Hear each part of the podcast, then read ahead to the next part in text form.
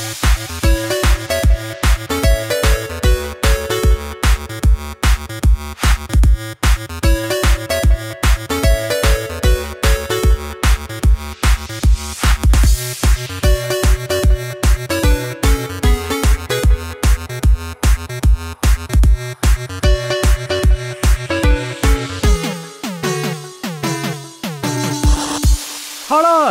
velkommen til en ny episode fra oss i Spellinja. Og som vanlig så er det meg, Adrian, som skal lede dere gjennom denne episoden. Det spillet vi skal snakke om i dag, har jeg veldig mange gode minner fra. Eller eh, jeg har kanskje ikke så gode minner fra den dagen jeg fikk spillet, en gang i november i 1997. For den dagen fikk jeg med tannregulering og ble seende ut som han Jaws, som er en karakter i det her spillet. Men denne dagen skulle også få en kompis på besøk, og han skulle bo hos meg hele helga. Og vi starta med singleplayer-del, men jeg tror vi bare spilte til eh, andrebrettet før vi gikk over på multiplayeren. Og det her var så utrolig kult at uh, etter en time så ringte jeg til to andre kompiser som kunne teste fireplayer-delen. Og det var stort sett det vi gjorde resten av den helga kompisen min var på besøk hos meg. Jeg regner med at du allerede har skjønt hvordan spill vi skal snakke om i dag. Det er nemlig Golden Eye 007 til Nintendo 64. Før jeg setter i gang med historia bak spillet, så vil jeg rette en stor takk til han David Doke, som jobber med Golden Eye. Han har hjulpet meg med å innskaffe informasjon og verifisere informasjon som jeg har funnet ute på nettet.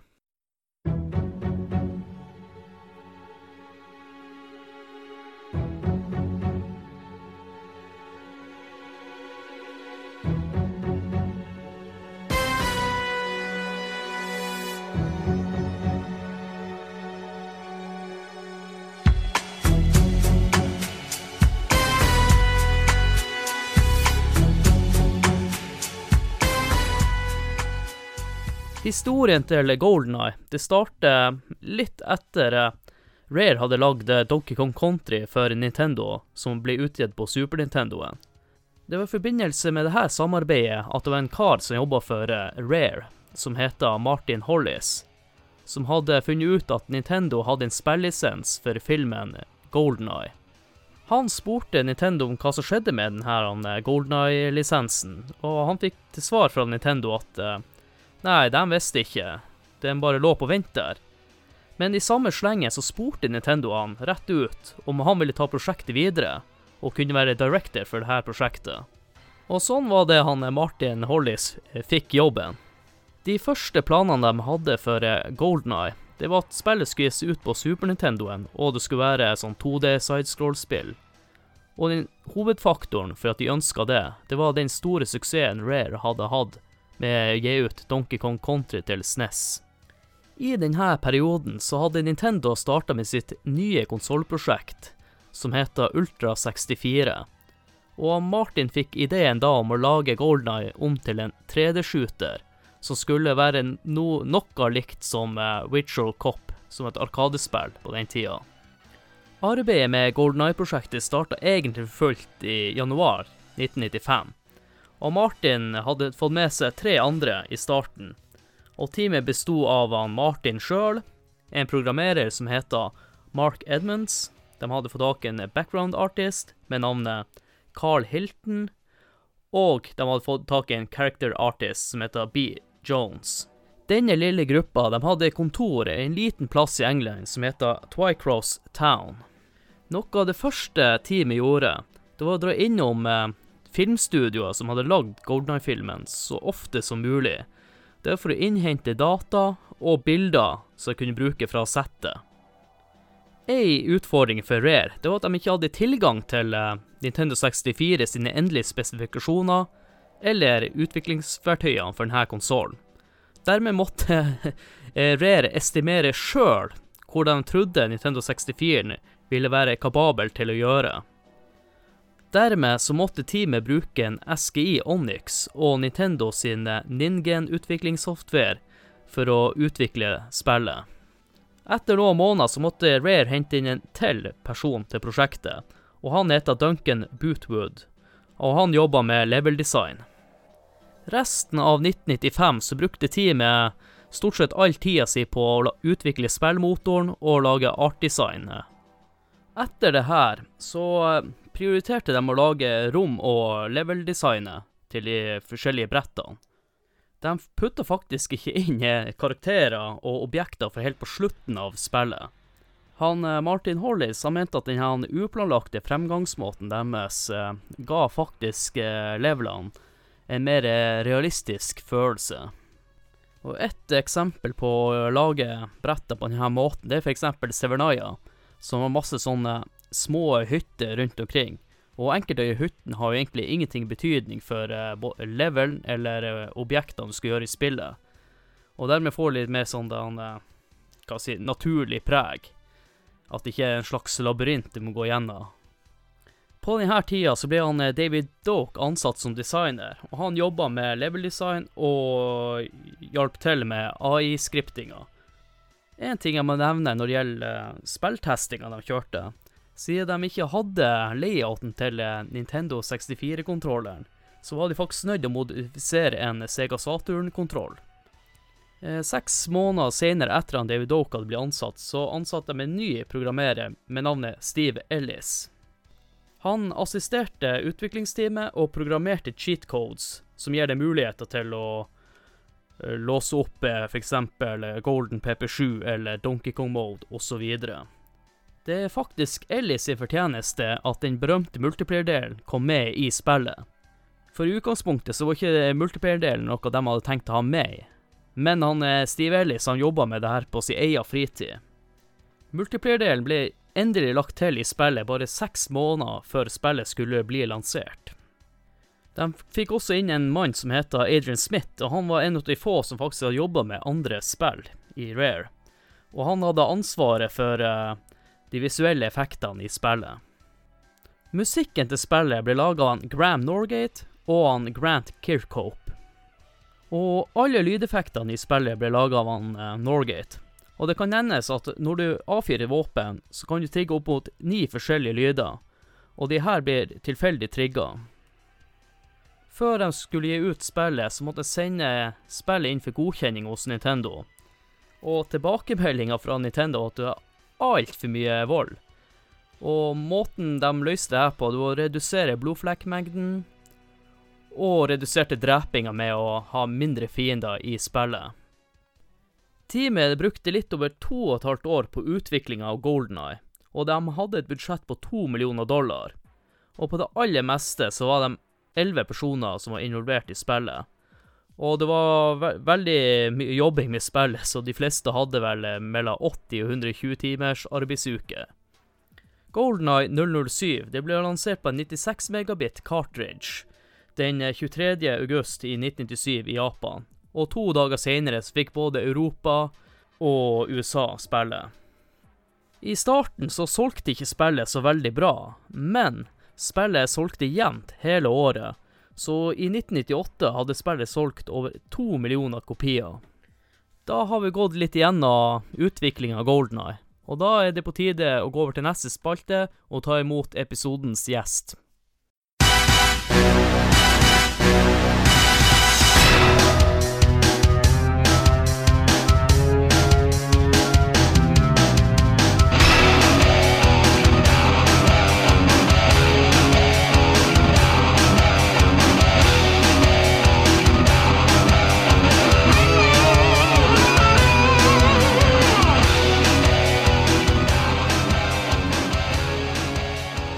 Da har vi hørt litt om eh, bakgrunnshistoria til spillet og hvordan det blir lagd. Og dagens gjest han er kjent som Retromoden og får lov til å introdusere seg sjøl. Hallo, jeg heter Otto, og nå tenkte Adrian å si at jeg sitter nede på Stjørdal. Men da tenkte jeg det skal jeg jaggu ikke få lov til å si, nei. Jeg sitter oppe i Ungdalen, på Steinkjer. Eh, det er jeg som er retrobonden, ja. Jeg heter Otto. Jeg er med i en eh, liten podkast som kanskje noen av dere har hørt før, som heter Retrotimen. Og jeg er Retrotimens varme forsvarer for Nintendo 64.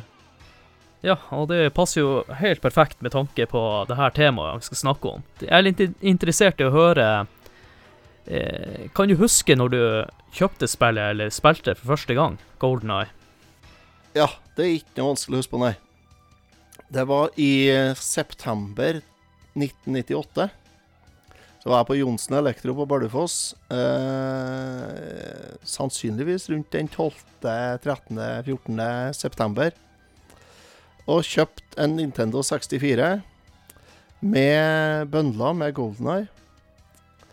Og så kjøpte jeg en eh, Pioner TS W1200 sub med kasse.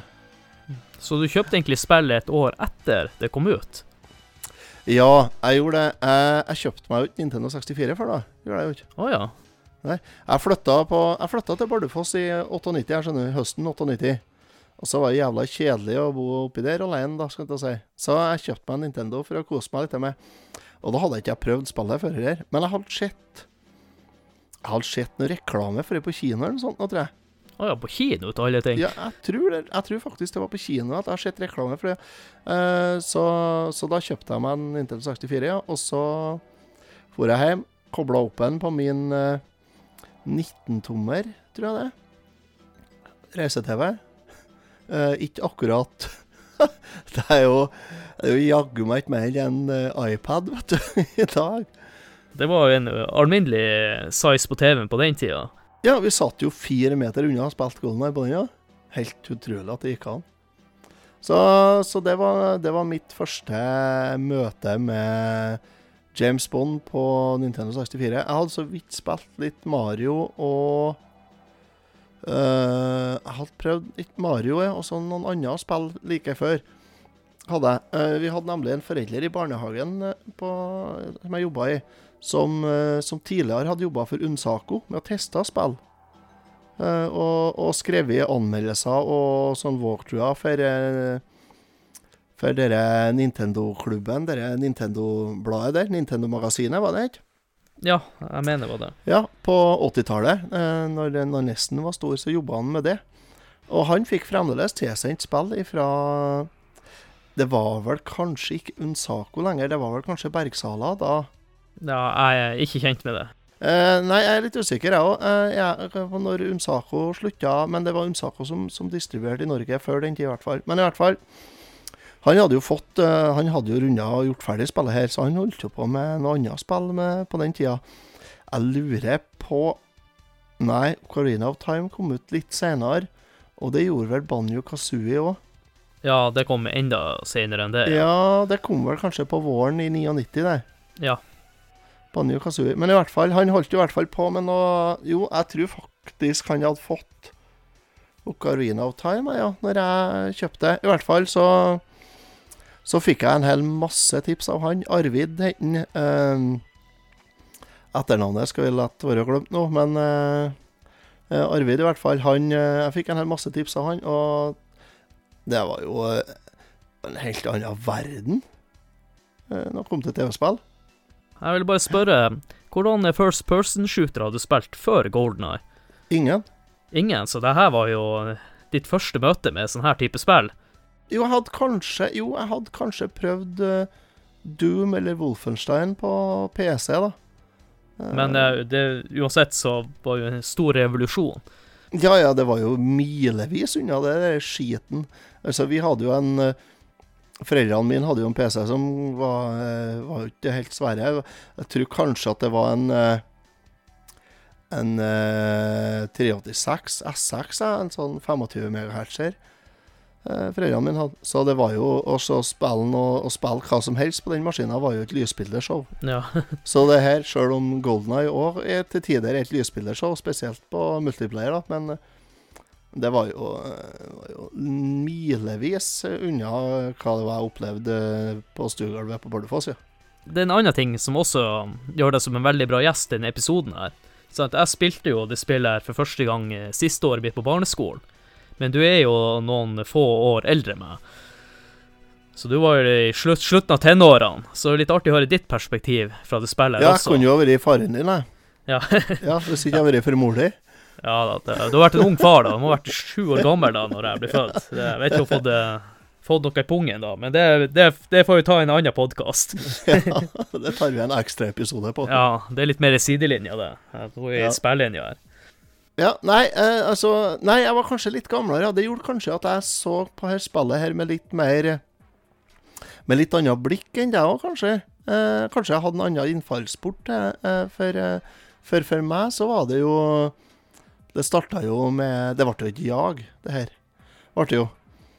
Så jeg, jeg nyspilte jo, gjorde jeg jo. Og jeg husker fremdeles Jeg hadde jo kommet til uh, jeg hadde kommet til det andre gangen du er i det vinterlandskapet og skal ta ned de antennene deres. Ja. Jeg har kommet til andre gangen du er der, ja. På 00-agent, faktisk. Når uh, kompisene mine kom flottende oppover og begynte i Forsvaret. Og de kom i slutt Ja, litt uti september, ja. Um, jo, de kom i, i slutten av september, ja. Så, så, i løpet av 14 dager så har jeg kommet ganske langt. Jeg jobba jo fulltid, og jeg måtte jo sove og dopen min og sånt, så, så, det var jo ikke så mye spilling heller, egentlig. Men, eh, men dæven, det fikk kjørt seg, ja. Ja. Det gjorde det, altså. ja. Jeg tenker jo, Da har vi hørt litt eh, din bakgrunn for spillet. Mm. Og så tenker vi tar en eh, rask pause, så kan vi gå over til eh, fun fact-spalten vår. Oh, yeah.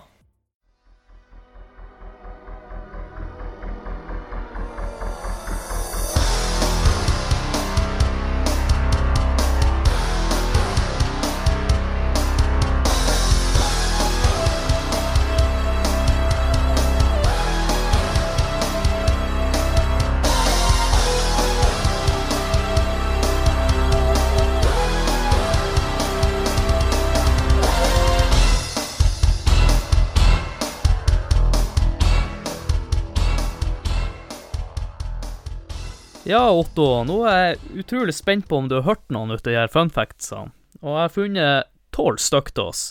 Bare tolv? Ja, det får nå holde i denne omgang. ok, ja. ja. Og så er jo litt elendig å lese, så nå kan hende det stokker seg litt. Men uh, vi begynner med den første. Mm. Flertallet av dem som jobber med Golden Eye-spillet, de hadde faktisk ikke jobba med spill før de begynte med det her. Nei, det har jeg hørt, fordi at uh, han uh, Han som laga spillet, han uh, Martin. ikke David Doke, men han andre inn. Ja, Martin Hollis heter han. Ja, ja, ja. Han, han hadde jo ikke noe sånn merittliste, egentlig. Så, og de hadde vel egentlig ikke noe trua på at det her kom til å bli noe spill heller, denne gjengen. Ja, så, nei, så den, den har jeg hørt, men, men det, er jo, det er jo rått gjort likevel, tenker jeg. Ja, det er et mesterverk. Og da kan vi gå over til punkt nummer to, som kanskje ikke er så artig fun fact. Men det at spillet er koder i, i, C, da. Mm. Koder i skriftspråket C. Jeg er ikke så god på det sjøl. Det sier meg ingenting. Det er ikke meg heller, men jeg vet, jeg at han, jeg vet Ralf har hatt C++. jeg har ei kjerring som har mastergrad i, i koding. I softwareutvikling og koding. Ja, jeg syns nesten den funfacten var artigere enn den her. ja. Kanskje det. Ja, da får vi håpe over på neste. Den var ikke så artig. Ja, og da er vi faktisk inne på det du akkurat nevnte i stad. At Nintendo vurderte å droppe spillet i en liten periode, for de slutta med å founde spillet. Og en av grunnene til det var på grunn av at de var redd for utrolig mange bugs i spillet. Det er jo ikke rart. Nei. ja. Så, så den er jo litt artig, da. At det stoppa foundinga i tre måneder. Det er jo, det er jo en stund, det, faktisk. Ja, det er jo faktisk det. Det er jo faktisk sånn at Da må jo de som utvikler det, de måtte jo gjøre forskuttere lønn og sånt i tre måneder til utviklerne. Og det var jo ikke Det er jo ikke bare bare, tenker jeg. Nei, vi får spørre han David Doke eh, hvordan han levde de tre månedene. Han har faktisk også hjulpet meg litt med informasjon og verifisert. Ja, for dere er jo litt sånn svirebrødre, dere. Møtte han eh, to ganger i, i egen person. De har vært dritings begge ganger, men det er noe annet. ja, ja. Det er jo detaljer. Ja, og så en nytt, ny fun fact, da. Spillet har faktisk referanse til alle de 16 James Bond-filmene, eh, inkludert eh, Golden Eye. Ja. Det syns jeg også er bra at de har klart å få med. Det er faktisk veldig bra. Ja, ja. Det er godt gjort. Men i tillegg så har de referanser til Star Trek. Ja, du tenker mer på Moonraker? Eller har de faktisk Star Trek? Det er Star Trek, ja. Å ja. Oh, ja, det, visste jeg ikke. Eh, jo, eh, dere når du kjører rundt med tanks, vet du. Ja. Og så dere sivile folket der, da. Mm. Eh, de som du ikke skal kjøre i hjel. De går med sånne røde Star Trek-uniformer. Dæven, det har jeg ikke lagt merke til. Se der, ja. Det må jeg sjekke ut. Det, ja. ja, artig å bli overraska sjøl òg. Og så hadde de faktisk også tenkt å adde en funksjon i spillet der du brukte Rumble-packen for å lade magasinet på våpnene. Å, har de det? Ja, at du skulle ta det inn og ut. Det var en idé. Og de skulle ta inn og ut Rumble-packen? Ja, for å skifte magasin. Nei, det var en dårlig idé. Ja, ja, det tenker også jeg. I hvert fall hvis du har en Oh. stressa situasjon der. Ja, det er du. det er du bestandig. Og husk også at batteriene på det jeg brukte å ikke vare så lenge. Jeg hadde Nei, ikke så veldig lenge, nei. Ja, jeg hadde en, jeg òg. Jeg kasta den. Ja. Det neste punktet, da, det handler litt om den, eh, den første leveren, som heter det Dam, den demninga. Ja. Den demninga finnes ikke i Russland, men har tatt eh, konseptet fra design fra en dam, eller sånn demning som heter Kontradam, som ligger i Sveits. Å! Det er Hva kult. I Sveits, ja, selvfølgelig. Der er jo landskapet for det. Ja, men jeg lurer på kanskje du gjorde det også i filmen, da? Ja, det var et godt spørsmål. Ja, sannsynligvis. Sannsynligvis. Mye av Bond-filmene er jo skutt i, i, eh, i Europa. Bare for å skjøte inn det her nå, at mye av dem er skutt i, i Europa. Det ser du. Du lærer meg også noe. Ja. Skal vi se Den, eh, den her syns jeg er litt artig, da. Mm. Alle karakterene i Golden Eye har samme hendene som James Bond, så alle går med de samme nevene. Ja. Joe også? Ja, alle. Å, kult. Ja. Ja, for du og Natalia har jo digre hender. Ja. Du vet hvem sier om damer med store hender? Ja, bruker store votter. ja, det var en fact fra Otto. Var ikke det du tenkte på? Jeg vet ikke egentlig hva jeg tenkte på siden å snakke om damer. Jeg tror jeg bare skygga banen, men det er en annen sak. Eh, neste punktet, det husker faktisk at jeg fant da jeg var liten. Mm. Datt inne på den ene levelen, bunker 2, det er etter den snølevelen du snakker om i stad, Ja, ja. så finner du en sånn eh, CCTV-tape. Og når du åpner den i menyen, så ser du at det er coveret til Golden Eye-filmen. Stemmer. Stemmer det. Og det har sikkert du sjøl også funnet, regner jeg med. Ja visst. Ja, det kan stemme, ja. Også det her er jo litt artig sak, da, som han eh, David Doke eh, fortalte meg om. Mm. Det var i den første versjonen av spillet, for jeg husker at jeg spurte han på retrospillmessa For at jeg husker på coveret, eller bak eska til Golden Eye-spillet, så kunne du se bilder av han eh, Sean Connery og en James Bond med hvit eh, smokingjakke og svart bukse, som aldri var med i spillet. Og det hadde seg slik at de hadde med alle de fire James Bondene som hadde spilt i filmer. Timothy Dalton, Roger Moore og Sean Condrey. Men det er faktisk én til som spilte James Bond, men han har bare spilt én film. Ja, George Lazenbury. Han ble ikke med. Å, ble ikke med han? Ja. Men uh, grunnen til at de ble fjerna, det var fordi at uh, de var faktisk litt redd for at han Sean Connery skulle saksøke dem, for å bruke han. Og der, dermed regner jeg med at også Roger Moore og Timothy Dalton også ville saksøke. Ja. Så derfor ble de droppa. Men jeg har en til uh, fun fact nå. De, uh, det de gjorde før de fjerna dem, det var å finne ut hvem som er den beste James Bond. Og det de gjorde mm. da, da, de spilte med alle fire karakterene. Og så hadde de en deathmatch. Førstemann til 100 kills, som ville klart å drepe de andre 100 ganger. mhm. Og han som vant der, det var faktisk han Roger Moore. Mm. Så han er den beste James Bond. sånn de avgjorde det. Vet du, jeg er faktisk uh, uh, Jeg er Hvis jeg skal tenke på filmene, uh, så er jeg ikke helt sikker på om jeg er enig. Jeg er jo en sucker for Sean Connery-filmen. Ja, det er også jeg også. Jeg syns også han Mm. eh, virker som en Han har jo fysikken også, i tillegg. Ja, At Ja. litt mer, Han er litt mer troverdig. Han Roger Moore han har bare vært på fester, ser du. Han ikke akkurat den eh, nei. Men han eh, nye, han som spiller ham nå, vet du, som jeg ikke klarer å komme i haug noen gang, hva heter Daniel Craig. Ja, han uh, syns jeg òg klarer rollen bra, altså. Ja. Jeg var veldig, veldig skeptisk når jeg sa å ja, så skal vi ha en blond James Bond. Det blir jo ikke da. Men jo. Han syns jeg har gjort det bra, syns jeg.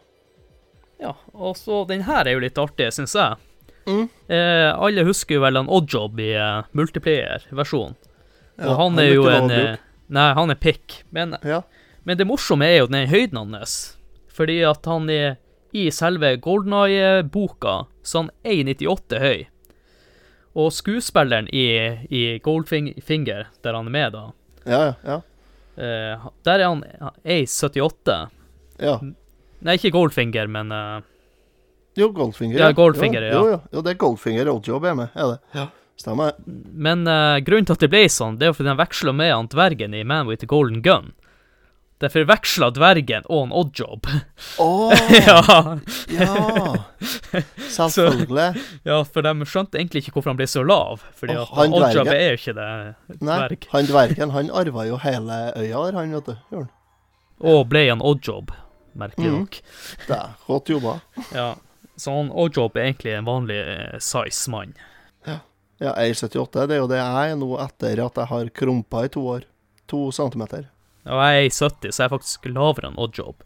Ja, det er du som er oddjob. Ja. Du må begynne å bruke hatt. Og den siste funfacten er jo ikke en funfact, det er jo bare en fact. Det er jo at eh, spillet har en spirituell oppfølger, og det er jo selvfølgelig Perfect Dark, som har også lyst til å lage en episode ut av. Det har jo en skikkelig oppfølger òg, men som ikke er laga av Rare. Var det Tomorrow Never Dies-tullet? Eh, ja, er ikke The World Is Not Enough? ja, det var det. Ja. Men jeg tror ikke det var en særlig bra eh, både film og spill. Eh, filmen suger jo pisslur, eh, men spillet syns jeg faktisk er Det er ikke så verst, det, altså. Kom det, kom det til Nintendo 64? Eller kom det kun til PlayStation? Nei, 64. OK. Ja, står i hylla her. Jeg ser jo coveret herifra. Kan du fortelle meg litt om det, sånn raskt? Er, er det first person, det òg, eller? Ja, det er akkurat det samme. Det er akkurat likeens. Bare det at det er jo et, en helt annen film en helt annen historie, selvfølgelig. Men eh, sånn gameplay mechanics og sånt er det samme. Er det. Og det oppfører seg likeens, og grafisk er det det samme. Så da, sånn at uh, at ikke det skulle bli noe suksess, det, det forstår ikke jeg. Jeg hadde aldri hørt om det. Jeg, jeg har hørt om det nå i senere tid, selvfølgelig, for jeg har det jo. Men, uh, men back in the days så hadde jeg ikke hørt om det. Nei, ikke heller. Det er første gang jeg hører om det nå. Nå hører jeg med til historien at jeg mista litt uh, trua på TV-spill, eh, egentlig eh, litt ut i Nintendo 64 sin levetid. Jeg gjorde en periode, for jeg gikk tilbake til, til Nintendo 8-bits og Super Nintendo en stund. da. Så jeg ga fullstendig faen til de nye spillene. Og så kvitta jeg meg med alt det òg, og så Ja, men det er jo historie. I hvert fall. eh, nei, det, det er faktisk ikke eh, Jeg har det sjøl. Jeg har spilt det noen timer, så jeg har ikke runda det ennå. Men eh, det er helt klart greit. Jeg lurer bare på hvem som har utvikla det spillet. Er det også Rare, eller? Oh, nei, det er ikke rare, men du Dæken ta du spør vanskelig. Hvis du venter, kan jeg hente i coveret, så kan jeg Ja, det det. Ja, hvis du er rask. Og så mens han Otto er å finne coveret, så har jeg en, faktisk en fun fact om meg sjøl når det kommer til spillet her. Jeg spilte faktisk uh, Golden Eye-spillet før jeg så filmen Golden Eye. Ja, se der, ja. Her har vi, vet du. The World Is Not Enough. Det er EA Games uh, som har gitt ut det, sannsynligvis. da, Så er det Eurocom som har utvikla det, Uh. Eh, ja. Mm, mm, mm. Å, faen, ikke Radio Show her, da. Det er EA som, har, som står på forsida, og eh, Av det er det, så Det er nok dem. Ja. EA. Eh, spillet er Jo, det er Det når ikke opp til samme nivå som eh, Golden Eye, selvfølgelig. Det gjør ikke det. Men jeg mener at hvis du er, hvis du er skikkelig fan av Golden Eye, og du liker å spille det den dag i dag, så vil jeg anbefale å prøve eh, The World Is Not Enough. for, Vil jeg. Jeg blir i hvert fall sjekke det ut på YouTube etter jeg har tatt opp nå, bare for å se hvordan det ser ut. Jeg tror Jeg mener Jo da, du har jo eh, fireplayer, multiplayer her òg. OK. Men det som er i tillegg her, da, det er det at du kan spille fireplayer multiplayer alene. For du kan ha tre AI-er. Ja, det kan du også på Perfect Dark, men det er jo mye nyere spill. Ja, ja. Ja, det her kom ut i øh, Få se 2000. Det er Euro, Eurocom som, øh, som utvikla det, det, ja. Det kom ut i 2000. Ok, det kom ut i 2000, jeg mener også Perfect Dark kom ut i 2000.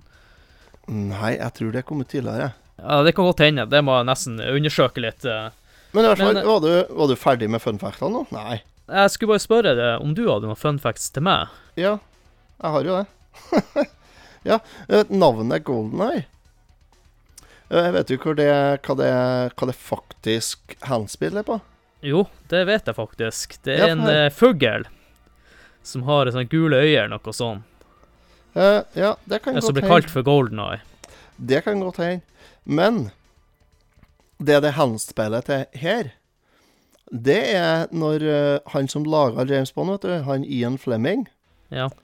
han eh, var jo, eh, var jo sånn hemmelig agent, vet du. Han jo. Før andre verdenskrig, og Jo, før andre verdenskrig, ja. Og han var med og jobba på en sånn plan for å forhindre nazi-invasjon av Spania. OK. Og kodenavnet på den planen, det var Golden Eye. Ok. Så han var med på en sånn, uh, sånn covertop uh, som het Golden Eye. Han Ian Fleming. Så det er, det er rett og slett en homasj til en Ian Fleming, da, det navnet. er det. Ja, det er jo tøft, da. At det, Ja, det er faktisk litt virkelig oppdrag. Ikke Han var jo, han forfatteren der, han var jo sånn hemmelig agent. Men nå skal jeg sies det at han har vel ikke bare basert James Bond på egne opplevelser. Nei, det er Det er vel, fiksjon. da. det er vel litt grann fiksjon der òg, forstår jeg. Ja, men jeg mener også at han har henta inspirasjon fra no, en annen agent også, men det er jeg litt mer usikker på. Han har nok det. Jeg har faktisk et par bøker av ham, har jeg. Eh, gamle utgaver, ikke førsteutgaver, det tror jeg ikke, men er et par gamle engelske bøker av Ian Fleming om James Bond, eh, sånn James Bond-bøker. da.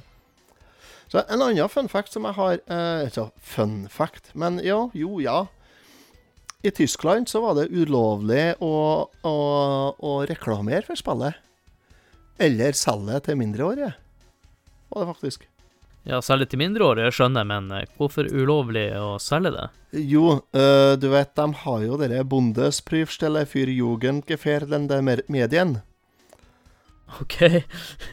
Ja, de hadde det føderale departementet for eh, media som var, var øh, farlige for unge voksne. Nei, for unge. Bundesprüfstelle für Jung Jugendgefährdende Medien. Det er tysk også ord som er ei og her din lang. Ja. I hvert fall, de har en sånn indeks, har de, som de bruker. Og hvis du kommer så og så høyt opp på den indeksen, så er det ikke lov til å reklamere eller eh, selge, eh, re reklamere for det i media, eller å selge til øh, folk som er under året. Og i, i 98 så ble Goldeneye eh, lagt til på den indeksen og skåra for høyt. På grunn av dødsgreier. og så var det som de kalte for eh, opplevd eh, vold, kalte Ja. de det. Ja.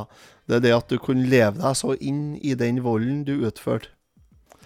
Og det var skadelig for unge folk og ungdom. da. Altså det, Tyskland har jo vært veldig sånn Hva skal jeg si tallete etter eh, andre verdenskrig. Men jeg tror ikke vi skal spore for mye av her med Men jeg har, er flere, er flere som du, du ikke hadde med. Jeg. Ja, du får fyre løs. jeg vet ikke hvor lenge vi skal holde på, men jeg kan ta med én til. da. Ja, ta med en til. Eh, det her er en, en fun fact som jeg er veldig usikker på om egentlig stemmer. Men jeg tar den med likevel, for jeg fant den når jeg drev research til spillet. eh, Til denne episoden. Og det var det at det egentlig skulle ut på Super Nintendo, det spillet her. Ja, det har jeg faktisk nevnt i uh, den forrige spalten som du ikke har hørt. Ja, det har du, ja. Den har ikke jeg hørt, vet du. Men i hvert fall, ja, nei, fersken òg. Da tok du meg på senga der. Jeg tok meg på fersken. Ja. Men da, eh, men da har du jo fått til Da har du jo 15 fun facts, da. Ja, og da tror jeg på tide å ta en liten pause, så kan vi begynne å snakke om spillet.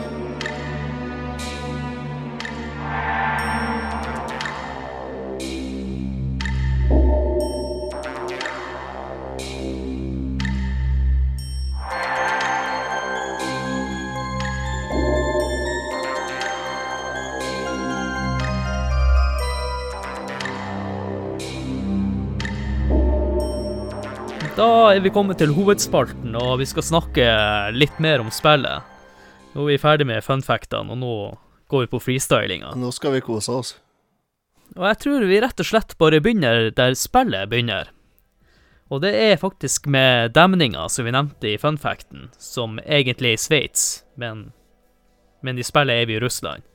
Der hele filmcrewet faktisk var besøkt eh, Nei, filmcrewet, sier jeg. Eh, Hele crewet som jobba på spillet, var og besøkt de forskjellige plassene, faktisk. Det skulle jeg jo nevne i stad, men det sa jeg nå. Men jeg har også nevnt det litt i hovedspalten. at de, Ja, faen, har du det? Det er det, ja. altså.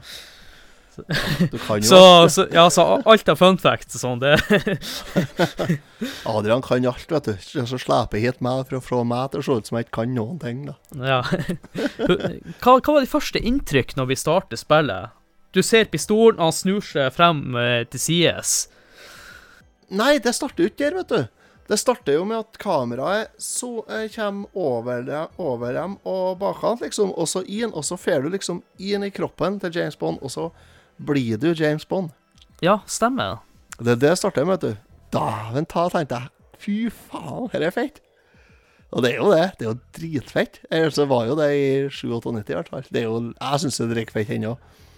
Jeg husker en av de første tingene jeg bare jubla over. Det var når jeg drepte den første fienden, at jeg, kunne, at jeg slapp et våpen på bakken som jeg kunne plukke opp. Ja. Det var ikke normalt på den tida at fiender droppa våpenet sitt. Nei. Normalt sett så måtte du gå og lete etter å få nytt våpen, men her droppa fienden våpenet, og du fikk det med en gang. En AK-47. Eller det heter egentlig eh, Sovjet i spillet. Ja. Den det- bruker ikke ekte navn. Ja, ja, klart det. Men eh, Og så går du videre, og så kommer du til et sånn vakttårn. Eller det starter med at du ser noen lastebiler som kjører over ei bru, og så inn i en tunnel der. Ja. Ja. Og så går du i hvert fall videre at oppe i et vakttårn, der du uskadeliggjør ei vakt eh, på, på minst mulig bråkete vis. Eh, Det vil si med å tømme et par magasin i ta en lyddempa PP7-pistolen din i bakhodet på vakta. Og så plukker du på en enda et sånn uh, riffel, bare at nå tar du kun eh, magasinet, selvfølgelig. Og inni tårnet der finner du ei sniperriffel. Og det kan du zoome inn og ut, og så kan du bare plukke ut de jævla russerne på Ja. kilometersvis til hold. Det er så herlig. Ja. Elsker. Første jeg gjorde da når jeg plukka opp den, og så bare sikta jeg, og så zooma jeg så langt inn som jeg fikk den gjennom tunnelen. Og så fant jeg til et par karer, og så tenkte jeg det her er jo altfor langt hold, jeg må holde litt over. Da bomma du. Ja, da bomma du. Det gjorde jeg. Så det trenger du ikke gjøre, vet du. For du treffer bestandig midt i sikte. For det, de opererer ikke med kulebane i det spillet. Jeg gjør ikke. Og så videre inn der, da, så går det en eh, Den lastebilen kjører videre, og du dreper noen fiender, du må åpne porten. Og, og når du åpner porten, så ser du ei vakt springe mot alarmen. Du skyter han, og så går du inn i i nakken. Ja. ja. Og uh, så har du en uh, en sånn uh, offiser der inne, og han mister jo også en pistol. Men det morsomme er litt etterpå. Du har en lås, ja. og der sto jeg fast første gangen. Ja, det gjorde det, ja. Kjempelenge. Ja, det første, første jeg gjorde da jeg kom dit, var å skjøte den jævla låsen. Ja, jeg prøvde å skyte den eh, sånn som jeg husker, men han åpna seg ikke. Jeg vet ikke om det var en bug i spillet eller noe sånt. Vi, vi sto kanskje i ti minutter før, og så plutselig så ble den skjøtt opp. Jeg tror det er du som er dårlig til å sikte. Ja, det kan godt hende. Jeg var ikke så gammel. Og det, det er også Ja, og en annen ting jeg også nevnte, at jeg fikk tannregulering samme dagen som jeg fikk spillet. Ja, det gjorde det, ja. ja. Så jeg så ut som en Jaws. Heavy metal. ja. Ja. Ja, nei, og da kommer du jo, når du kommer gjennom der, eh, den låste grinda der, da kommer du ut på sjølve demningen. Og da er jo Jeg starta jo i spille her, så var jeg jo på simpleste level. På vanlig agent. For du har jo tre vanskelighetsgrader i spillet her. Du har agent, secret agent og double O agent. Jeg starta jo på vanlig agent, selvfølgelig, for det var det enkleste. Uh, og det, det vanskeligere vanskelighetsgrad du har, desto flere ting er det du må gjøre for å få godkjent eh, et eh, brett, er det. Du får flere objektiver som du må fullføre. Men det geniale med Dam, det er jo at eh, den levelen her, når du kommer ut på demninga, Mm. så skal du springe, og så skal du hoppe utfor i strikk. Ja. Men når du spiller på Secret Agent og Double O Agent, så er, finner du ut at den banen er mye større, for du må gå ned i demninga. Mm. Så det er jo utrolig kult at du Som regel går du glipp av den delen i brettet i første gjennomspilling.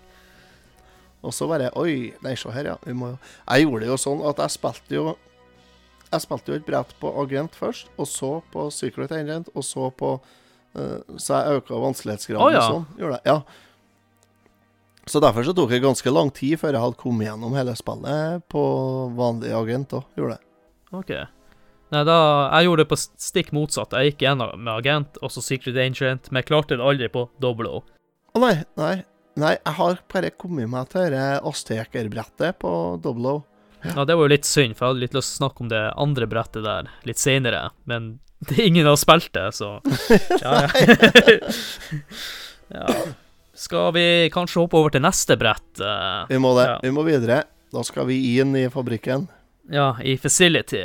Ja. Og det brettet her, det finner du også i multiplier-delen, men det kan vi snakke om litt seinere. Ja, stemmer. Det gjør det. vel, ja. Og det her er jo Jo. Jo, Ja, ja, stemmer. Og- stemmer, stemmer. ja. Ja. Du kan jo bare lede oss gjennom. Det er litt morsom, den starten på brettet. Ja, det er en fantastisk start. Du sniker deg inn gjennom ventilasjonsanlegget, og du eh, Etter å ha gått feil en gang, da, og du går tilbake, så kommer du bort til, i ventilasjonsanlegget over dassene.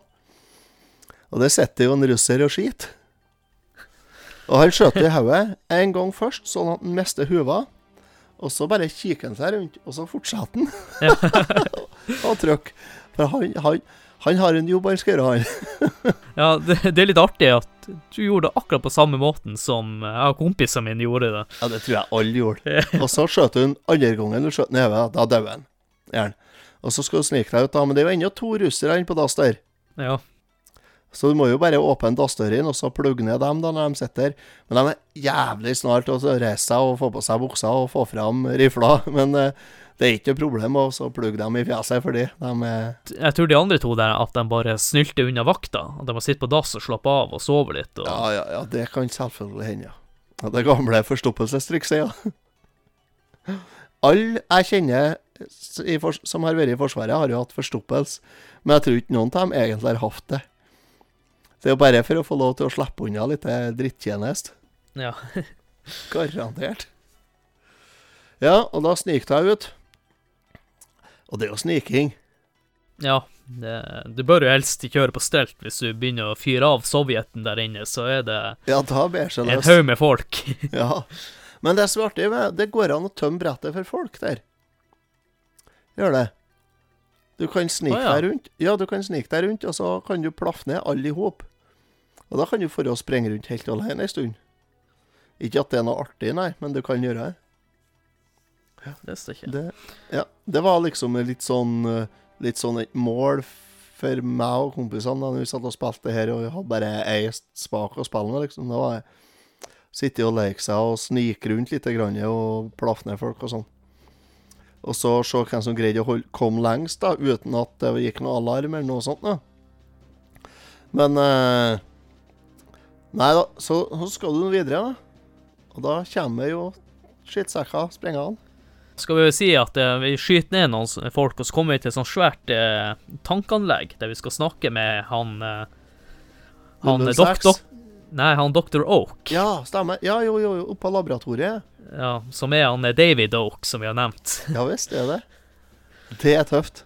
Og eh, grunnen til at han er med der, det er jo egentlig bare at eh, de hadde en nøkkel.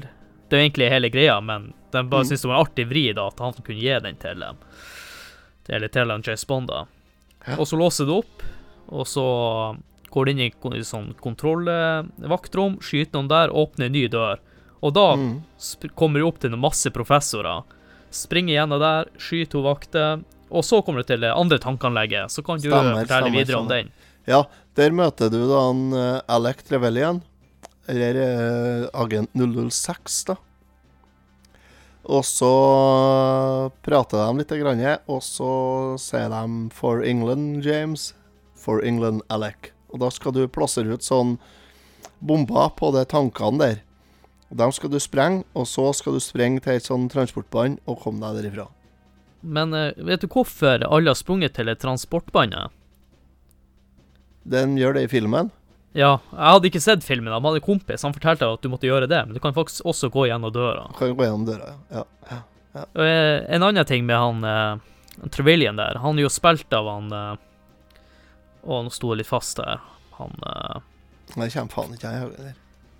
Ja, han, han spiller i hvert fall han Boromir i Ringenes herre, og Ja, han er stemmer. Sean, Sean Bean var det. Ja, ja, ja. Sean Bean. Stemmer. Stemmer. Så han er jo også en utrolig kul fyr i spillet, syns jeg. Ja, syns du det? Ja, Ja, han dauer jo der. ja det, det, det som skjer da? Du, du sprenger tankene, som du sa, med remote minds, Ja. og så blir han uh, Electrillian igjen, Mm. fordi at han uh, mener at Eller han, han James Bond er litt for rask på avtrekkeren. Ja. Og så kommer han general Urmanov, som skyter Ja. han i hodet, henretter han. Yep. Og så hopper du inn i det transportbåndet. Mm. Og rett etter vi hoppa inn i transportbåndet, så begynner vi på brett nummer tre. Og da var jeg spent. Ja, og det er et utrolig kort brett, egentlig. Ja, det er jo det. Eh, Det er jo det er, det er jævlig kort, men du kan jo gjøre en del ting for å gjøre det litt lenger, da. Du kan jo kjøre tanks. Det kan Ja. du også gjøre. Så det er et brett som er morsomt å leke seg på, men egentlig hovedobjektet, i hvert fall på agent, det er at du skal springe til flyet som står litt lenger bort på rullebanen, og that's it, og overleve. Det er litt vanskeligere når du spiller på doble, for da må du inn og hente nøkkel og diverse Ja, du må hente nøkkel, og så må du ta ut mitraljøsene som står på enden av rullebanen. Og, det, det, og da kommer tanksen til nytte, da, for når du kommer ut av fabrikken der, så er det til høyre for deg. Hvis du sprenger bortover til høyre, altså inni, liksom, inni innhuken baki til høyre her, der står det en tanks. Den kan du bruke, vet du. Den er koselig. Og da kan du kjøre over folk, da, og da sier de Ja, Ja, det er flott. Og så blir det sånn splatt-lyd, mener jeg husker på. Kan jeg stemme det? ja det stemmer godt. Det er noe kauking, og så tror jeg det blir noe sånn splatt-lyd attåt, ja. Jeg lurer på jeg, Nå er jeg usikker, men jeg, og jeg syns husk på det. Jeg syns det skulle ha vært det. Ja, men du får faktisk kjøre tanks litt senere i spillet òg, men det Ja, det får du. Vi, vi får ta det da. Eh, ja, som sagt, eh, oppdraget er at du bare skal springe til flyet på Agent. Mm. Og du hopper i flyet, og du stikker av. Det er litt mer action i selve spillefilmen, men det er ikke den vi skal snakke om nå. Eh, men det her er også en ting jeg ikke skjønte da jeg var liten. At det her er faktisk ni år før Golden Eye-spillet starter. Ja, ja. Det var ikke noe Det gikk meg hus forbi, rett og slett, da jeg var liten. Jeg trodde alt det skjedde rett etter hverandre. Nei, det er jo faktisk uh... Det er jo egentlig som i alle James Bond-filmene, det er som prolog. Alle Ja, James Bond-filmer. ja.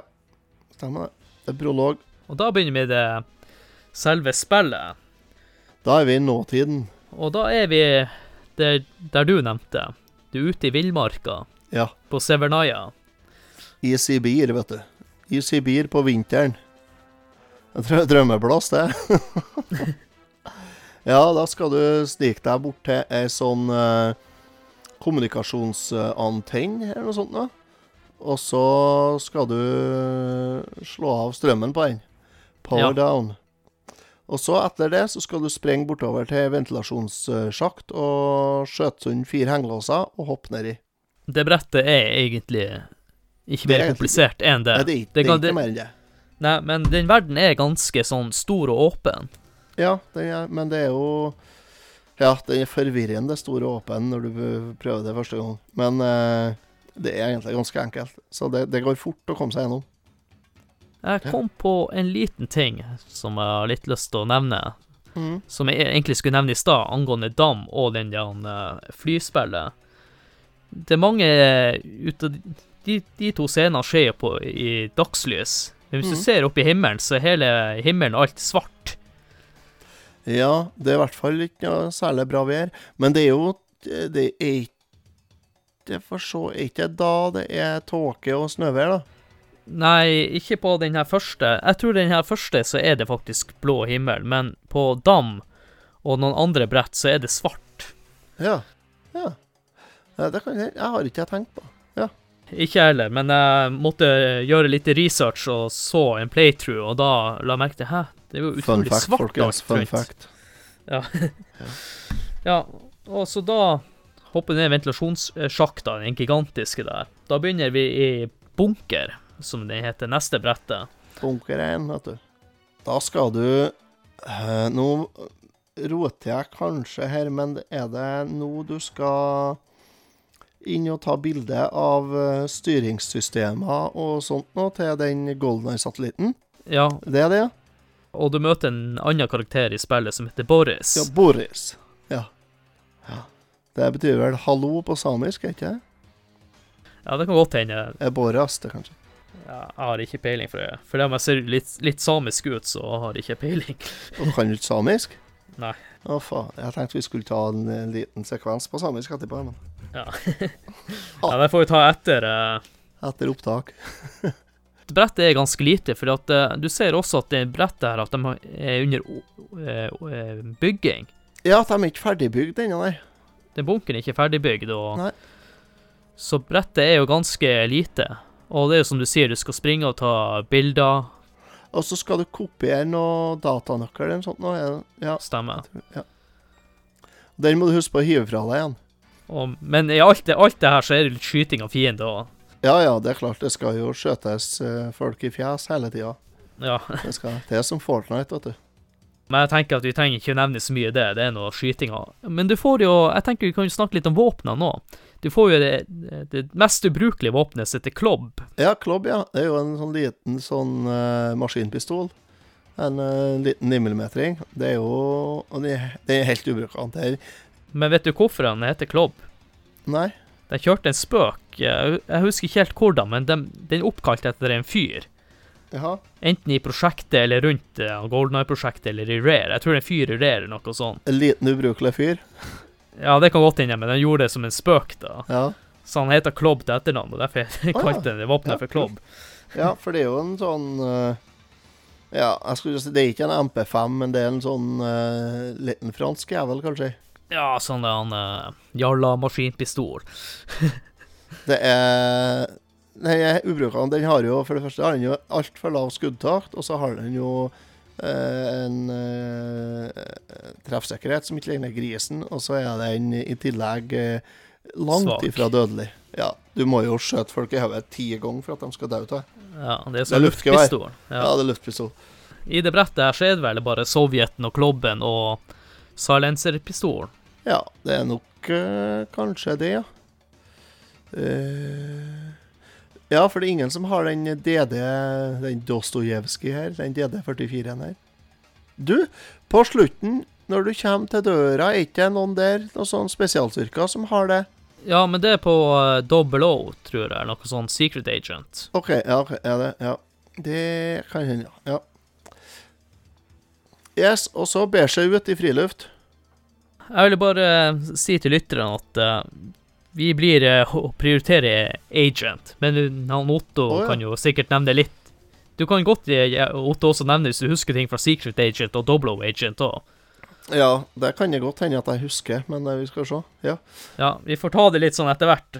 Ja, i hvert fall. Det jeg husker, det jeg er helt sikker på, er det at det står en jævel på enden attmed døra der du skal ut, med to våpen. Jeg tror det er to eh, sånn DD44-er han har.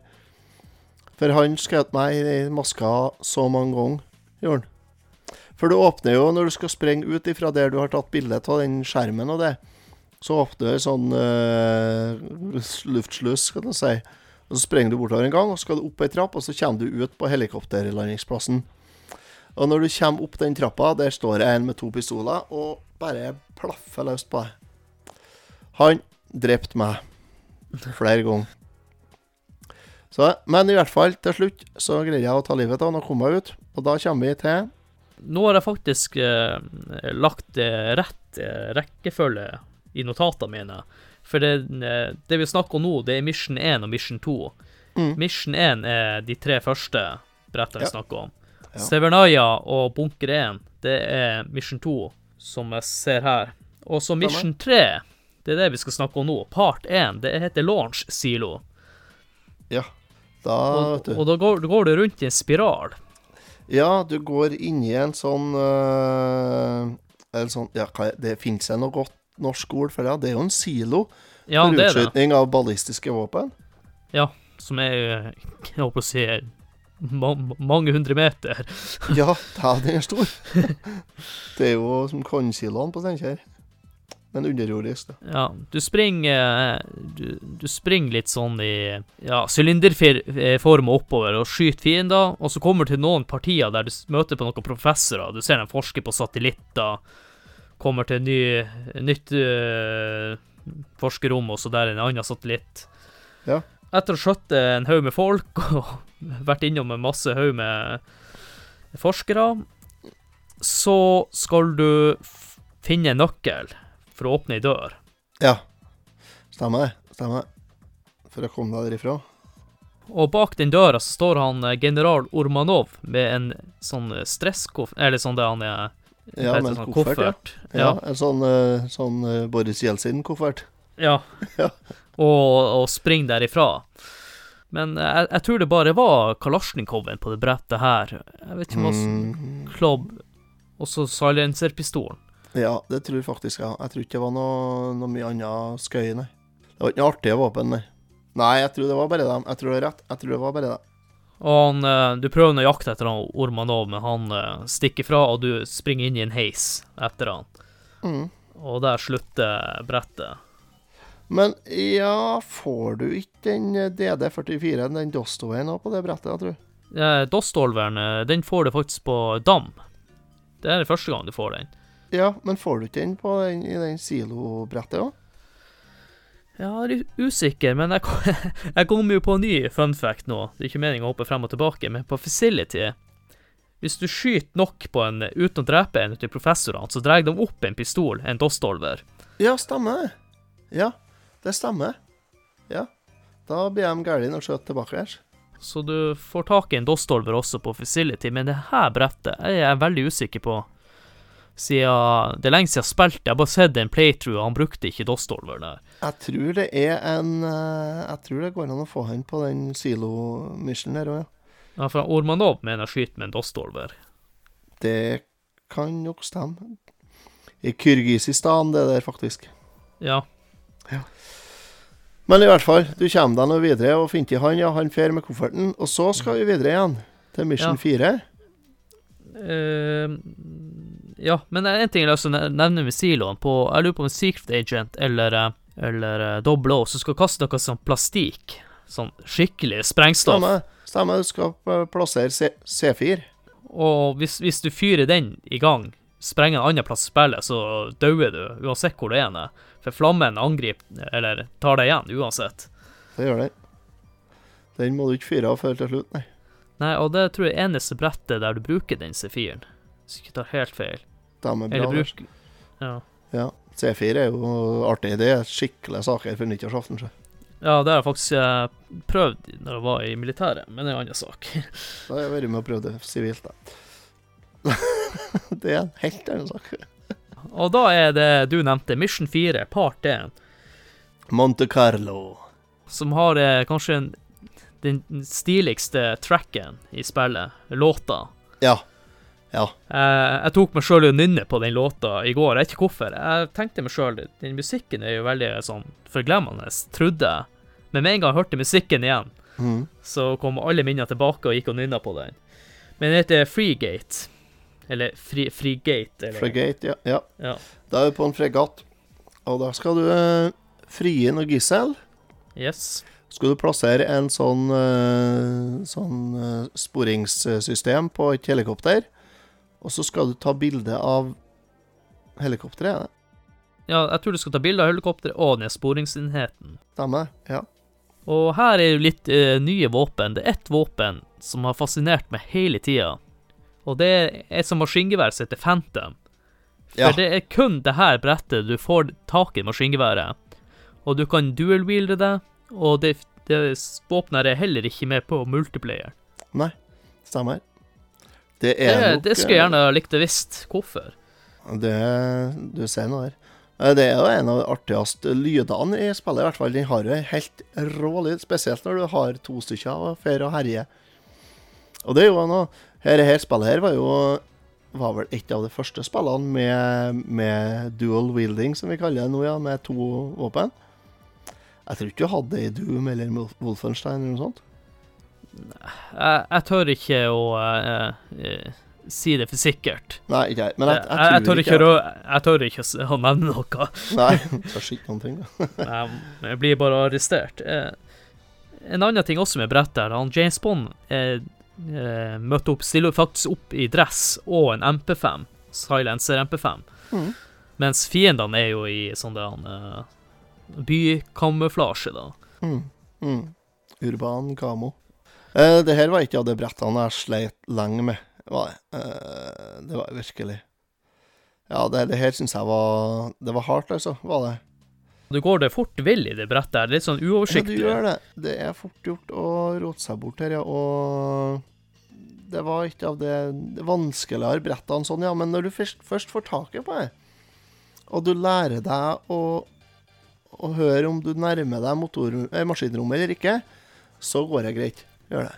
Når du nevner maskinrom, nevnte jo at du, det her befinner seg på en båt. Ja, det var en fregatt. Ja. Du er om bord på en fregatt. Sånn som Forsvaret har så suksess med, vet du, nå Ja. for tiden. Den her er jo da ikke under vann, da. Er den ikke? Nei. Men det er jo gammelt, vet du. Og så når du har gjort alle de han, objektene, så skal du springe inn i den lille jolla han sjøl har, sånn liten uh... Gummibåt. Ja. Ja. Da, vi, da er vi ferdig.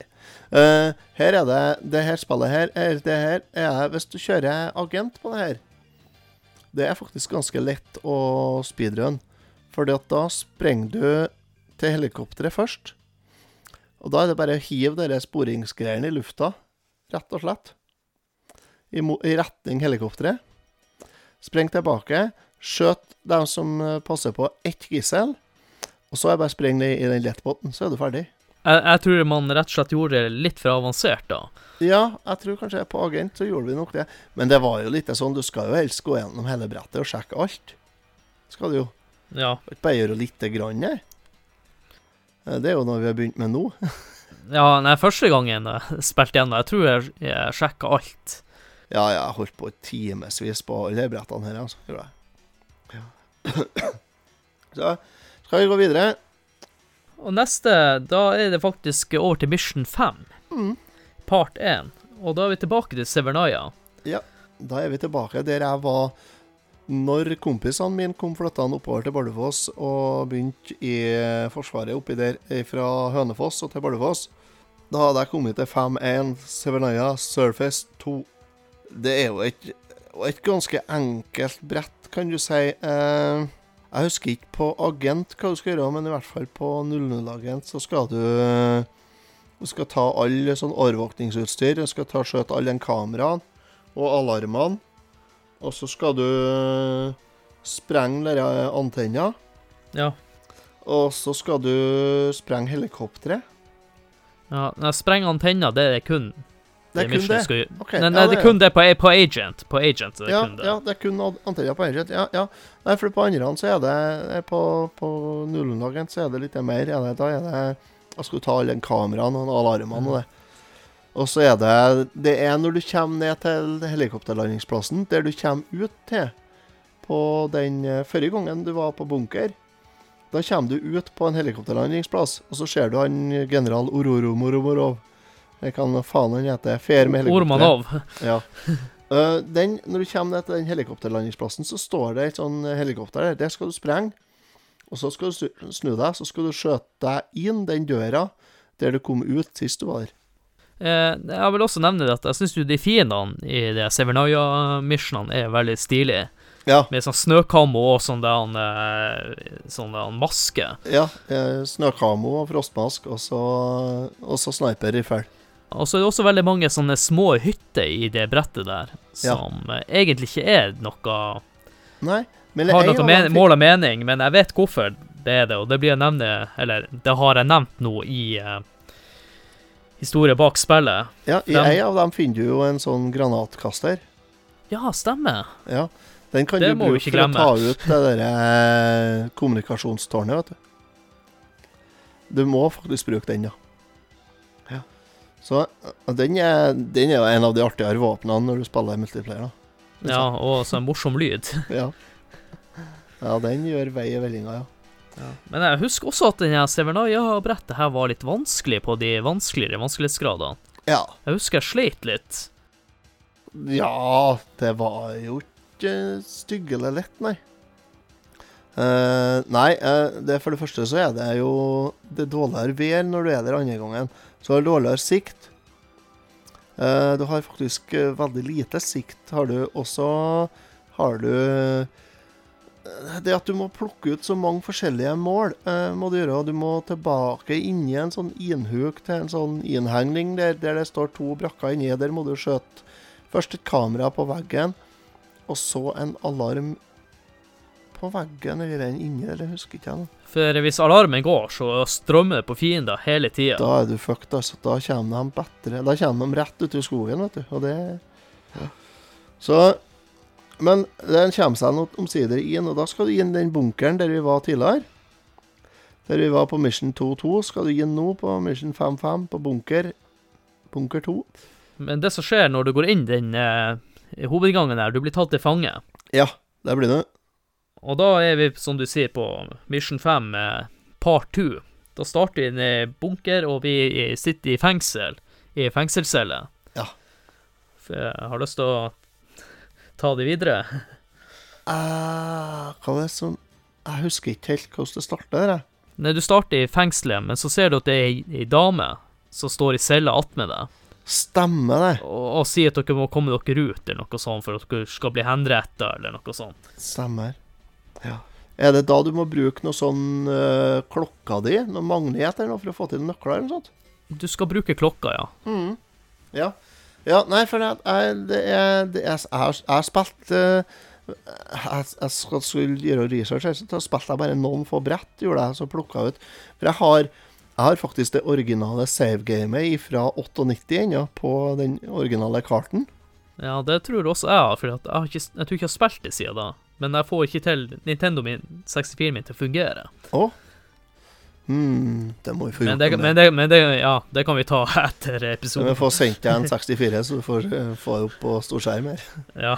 Ja, Men i hvert fall, eh, du får tak i nøkler og sånt, og du bryter deg ut i lag med hun Natalia. Jo, Natalia, ja, Natalia. ja. Ja, du kommer ut, og du er faktisk i den samme bunkeren, bare at nå har de klart å gjøre bunkeren ferdig. Har For i- den ferdig, ja. for- i første delen så er, ser du at det er mye sånn fjell og sånn der. Mm. Når du har bygd den helt ut. Og objektet her er egentlig å klare å flykte. Mm. Men skal du ha med Du skal ha med deg kjerringa, ikke sant? Ja, og kjerringa følger etter det, og det mange plages med i brettet her. Ja, At hun springer Ja, hun springer mye i veien, og, du, og hvis det blir skuddveksling, så Skjøter du, skyter hun, og da må du starte missionet på nytt. Stemmer. Åh, jeg var så gæren på det der. Faen. Trikset er jo ikke henta før du har gjort ferdig det meste. Fordi at du må åpne til så, må du. Ja. Ja, Så trikset er at du bare går ut sjøl, og så lar du hun stå igjen inni her og skjennes. Og så går du, og så plaffer du ned litt vaktig. Uh, jeg, jeg tror du skulle ta én først. Han, han skal du bare ta bakhånd, skal jeg si. Ikke helt ordrett, kanskje, men Nei. du skal ta og, og mole henne til en eh, bakfra, og så ta ifra han rifla og sånn nøkkelkort, tror jeg, for å komme deg ut derifra.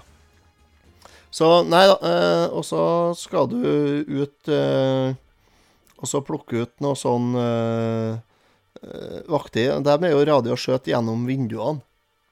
Men, men jeg lurer på, den første vakt du dreper, du har ikke våpen, da, så du må ta den fine handslappen. Ja, ja, du må, du må Det er judoslaget. God gammeldags bitch-slap, ja.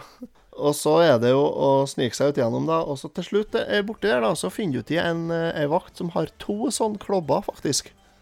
Gjør du? Det er der først du får finne dobbel klobb. Mm, ja, første gangen, ja. Ja, det. Ok. Ja. Og da, får du to, da kan du finne to sånne klobber, ja. Og så han har ei sånn nøkkelkort, han òg, har han. Uh, ja Nei, eh, jo, det har han, ja. Han har det. Så da kommer du deg ut derifra til slutt, da. Ja, men jeg husker også på de brettet der, så var det noe sånn turrets, som er livsfarlig møte, for det er jo sånn skuddtakt som uh, ja, dreper. ja, ja. Det står noen sånne automatrifler på veggen, ja. Dem må du plukke ut før de ser deg. Dette blir det første brettet du møter i turretsene. De er jo Eller du har det egentlig også på runway. Mm. Du har ikke noe objekt med å, knu, å knuse de, men jeg var litt usikker på på double O om du skal knuse de der, der, for du har masse du skal gjøre der inne. Og det er jo en liten sånn labyrint der inne òg. Ja Faen, jeg, jeg husker ikke helt eh, hva du skal gjøre for noe, men i hvert fall Men det er Men det På, men det- på Agent så skal du bare flykte. Ja. Ja. Du skal bare ut- flykte. Ja. Ja, og det er ut den samme der du kom inn, rett og slett. Ja. Mm. Så egentlig skulle bare Bond ha holdt seg til helvete unna. ja, skulle ikke ha gått inn. Nei. Det var bare tull. Er det noe mer vi kan nevne om det brettet der?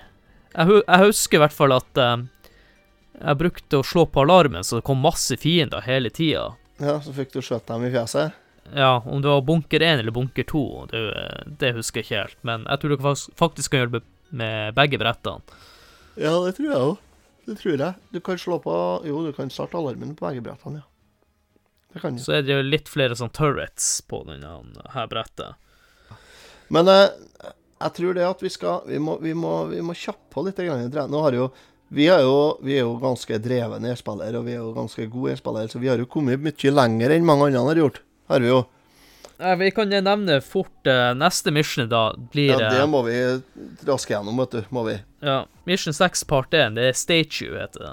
Ja, Statue, Statue Park, ja. Der skal du eh, møte han uh, russiske svartebørshaien, uh, som heter for uh, I hvert fall. Og så skal du finne tak i en sånn Valentine heter han. Hæ? Valentine heter han. Valentine heter den, ja. Og så skal du finne tak i en sånn eh, blackbox til helikopter, Ja. som ligger inni der noe plass.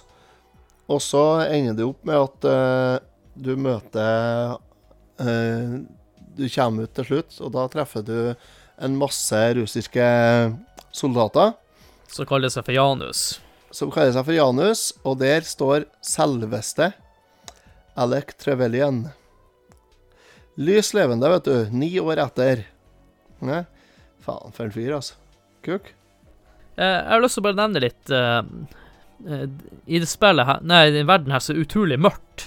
Og det er også en veldig labyrint med masse statuer og Egentlig, et dårlig lagd brett. Eller det er veldig stygt, det brettet. Det sånn jeg har sett i ettertid. Ja, det er det, men samtidig så er Når du lærer deg det, så er det ganske Det er Ja, men jeg bare, komplekst, du. tenker designet rundt og sånn. Det er mye sånn svart Ja. og trist og Men Ja. her får du jo også hagler for Mm, første gang. Herlig våpen. Ja. Eh, Hagl er jo favorittvåpenet mitt i stort sett alt av sånne spill. Kan bare nevne fort, du det blir jo selvfølgelig skyting når du møter de her. Ja. Og så finner du hun eh, Natalie i et helikopter, og så skal du berge henne ut. Ja. Og spreng helikopteret. Jo, nei, det er, det er rigga, er det vel. Ja, helikopter spreng, eh, sprenges hvis eh, du, du får ut av Natalia, og så eh, blir dere tatt til fange igjen av han eh, Samme. Av han Mishkin, heter han. Forsvarsminister Mishkin, ja. Ja, stemmer. Og da er vi på Mission eh, 6 part 2, og da skal vi egentlig bare flykte fra eh, eh, Archives, som brettet heter. Der plagdes jeg med å finne ut hvor jeg skulle komme meg ut hen. Den er kuken. For det er ikke noe utgangsdør. Nei. Det er ikke det. Men du skal jo Du skal jo skjøte deg gjennom vinduene og hoppe ut vinduene til slutt. Mm. Det er jo Altså, det her er jo en sånn det er ikke Du er på et bibliotek, og du skal et bibliotek med sånn militære arkiver, og du skal bare komme deg derifra. Ja. Og det er Det er litt sånn labyrint der òg, men det er jo Det er forholdsvis enkelt, egentlig. ja, du gjør det brettet ganske fort, og så er det vel bare Kalasjnikov eh, som du bruker der. ja. Og da, og da, som Otto sa, når du hopper ut gjennom vinduet, da begynner vi litt sånn det Star Trek-brettet. Du skal kjøre tanks. Da skal du kjøre tanks gjennom Moskvas, nei, St. Petersburgs gater. Og det er artig. For da kan du kjøre over sivile, og du kan kjøre over militære, og da sier de «Aah!» Og så Og du kan skyte med tanksen. Ja, du kan skyte med tanksen. det er vel det kraftigste våpenet i spillet, tror jeg. Ja, det regner nesten med. Ja, jeg tror det. I filmen er det jo en slags biljakt, men her må du bare prøve å finne løypa. Du, du følger ikke noe. Du må bare, det er som litt som en labyrint. det Så, nei, det er Det her er det Det her er et sånn spill Et sånt brett som er sånn eh, hadde veldig høy wow-faktor, da. Og at det er brett som er artig å leke seg i. sånn. Absolutt. Så hopper vi enda litt videre. Det, nå er vi faktisk på Mission 6 part 4, som kalles ved Depot. Og det, Eh. det syns jeg er rotete brett. Du skal finne et tog, rett og slett. Ja, det er masse lagerbygninger, og du går vel med den MP5-en, eller Dauske, som han heter i spillet. Ja. Og Jeg husker at det brettet også var litt vanskelig. Ja, Sånn, det var eh, vanskelig. Knotet. Jeg husker ikke eh, Ikke på Agent, men eh, på Doblo og Secret så er det jo veldig Jeg husker ikke noe særlig. Det var aldri noe sånn favorittbrett for min del. Eh, var ikke, neste brett var ikke jeg satt pris på, var det. Train. Uh, ja. Train. Da er du inn på et tog. Og så skal du slåss deg vei framover i toget og få tak i han uh, Alec og co. helt framme her. Hun da tar de å ta til fange. Jo Og så Her er det jo toget er jo fylt opp. Det er jo verdens dårligste logistikkansvarlige som har hatt ansvar for lasting. Ja.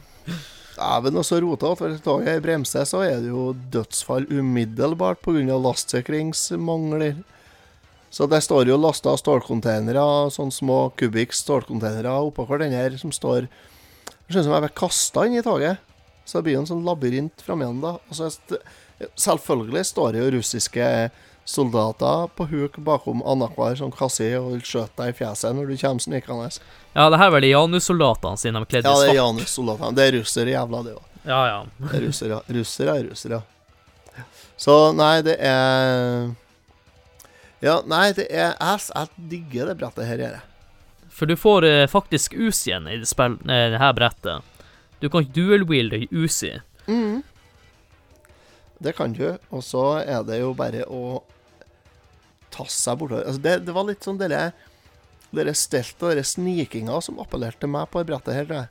Jeg kan huske at det endte opp stikk motsatte. da. Det var bare å pløye seg mest oh, ja, mulig ja. gjennom. Nei, jeg, jeg brukte å snike meg litt fra meg, og så, og så skjøt jeg med en fot først. og Ja. sånt. Og, for du så ei sånn sprekk nedi ned med gulvet, liksom, så så du foten til ja. vakt, og så og jeg gir dem noen jævla i foten, sånn for sikkerhets skyld, før du bare reiste deg, og så skjøt dem i ansiktet. Det er jo når man kommer seg helt fremst i toget at det er også litt morsomt. Da skal du jo øh, Du skal jo gjennom gulvet. Ja, men før det så blir, så blir jo han Ormanov han blir jo skutt. Ja, stemmer det. Ja. Han som egentlig skjøt han Alec Trillian. Nå, Ja, nå tar han hevn han Alec Trillian. ja skjøt han i hodet, han. Der er vel en av grunnene til at øh, tyskerne øh, nekta å reklamere for det spillet, vet du. Ja, De turte jo ikke sånt. Det var jo ren hen henretting. Og så blir nå i hvert fall vogna låst av etter hvert, og så, så går det en timer for at Mm. tog, eller vogna skal sprenges. Og da må du bruke en ny gadget som vi ikke har brukt før. Ja, du må ikke det, men du kan det. Å ja. Ja, uh, på klokka di så har du nemlig en laserkanon, rett og slett, som er i stand til å bare sveise vekk eh, eh, stålplater uten problem. Men du kan òg bruke vanlige våpen og skjøte dem vekk, men det tar jo tid, da. Men det gjør jo denne jævla laseren òg, ja. Og her har du jo tid på deg, for du må jo skjøte Du må jo liksom eh, sage vekk noen sånn låsslåer over ei luke Ja. i gulvet for å komme deg ned og under toget, og så springe framover og komme deg i sikkerhet. Eh, det er jo det som er clouet her. Men du kan faktisk bruke vanlige våpen på, ja. Kan du. Ja, det visste jeg ikke, så det var litt artig. Ja.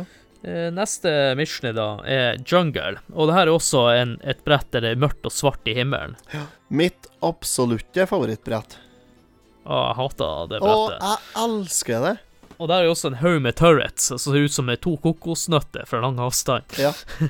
Og her får du jo kanskje likest rifla i hele spillet. Ja, assault rifle. AR5 er det heter? Ja, ja, den, og så får du et, et annet våpen litt seinere. Ja. Men før den tid så går du jo rundt og så skyter turrets og folk i kamo, kamuflasjedrakter. Ja. Det gjør du. Det er veldig tåkete og litt vanskelig å finne fram i terrenget, men etter hvert så kommer du til hengebru, Mm. og da møter du hun Sado-kjerringa, hun Senja. Senja on a top. Men du ser vel ikke hun før i spillet, hun bare er der. Hun dukker jo opp der.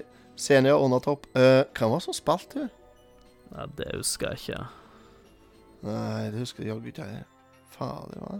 Men hun her, hun har jo en stilig dual-wielding med granatkaster i ene handa og RCP-90-en, Mm. som det, det mest overpowered våpenet i spillet. Ja, helt klart. For det har så høy skuddtakt. Du har jo 60-90 skudd i magasinet, og du de freser du gjennom som en annen hannkatt, bare frrt. Ja. Ja, nei, hun har uh, Hun har en dødelig kombinasjon, ja. Har hun. Og i tillegg så står det jo to turrets og skyter på det, Mm. som jeg står attmed. Ja, det her var jævlig i, når du spilte på nullagent, altså. Var det. Ja, det var det. Ja, nei, du kommer deg over hengebroa, så skal du opp i eh, Opp gjennom eh, skråning der, og så skal du inn i eh, noen underjordiske tunneler. Og Ja. inn i neste level, som er kontrollsenteret, ikke det? Ja, kontroll, ja. Ja. Og det her er en ut av Jeg tror to brett ikke klarte på doble, og det var kontroll, og så ett annet brett. Oh. Ja, ja, nei, jeg har den her. Kontroll husker jeg var det brettet vi hata aller mest. Hæ? ser se det. Eh, Hva du husker fra det brettet her? Eh, Jeg husker at du kommer ut fra en heis med sånn artig heismusikk. Ja, og så begynner du, og så skal du Finner du han Boris. Eh, Etter en stund, da. Etter en stund ja, finner du. Boris eh, inne på kontrollsenteret. Og da skal du faktisk stå og forsvare han, mens han hacker noe systemer her. Nei, ikke han, men hun Natalia hacker han. Ja. Ja. Og da må du stå og forsvare hun, og så kommer sprengende vakter fra begge sidene. Så du må stå og snu deg hele tida, og så plaffe ned de jævlene når de kommer. Akkurat det der sekvensen er jo utrolig vanskelig, syns jeg. Eh, Ja, da skulle du ha prøvd det på Nintendo Wii, da.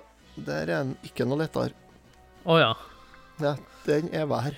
Men i hvert fall, ja. eh, det går med bare litt øving. Og så er det handler om å få lagt ut eh, granater. Ikke granater, men sånn miner. På de serverne som står der. Det er Ja, noen servergreier. Ja, og så for å få tatt ut de jævlene som kommer sprengende. For å ta ut flere i gangen. Når du vet at de kommer fra begge sidene samtidig, da må du bruke de granatene.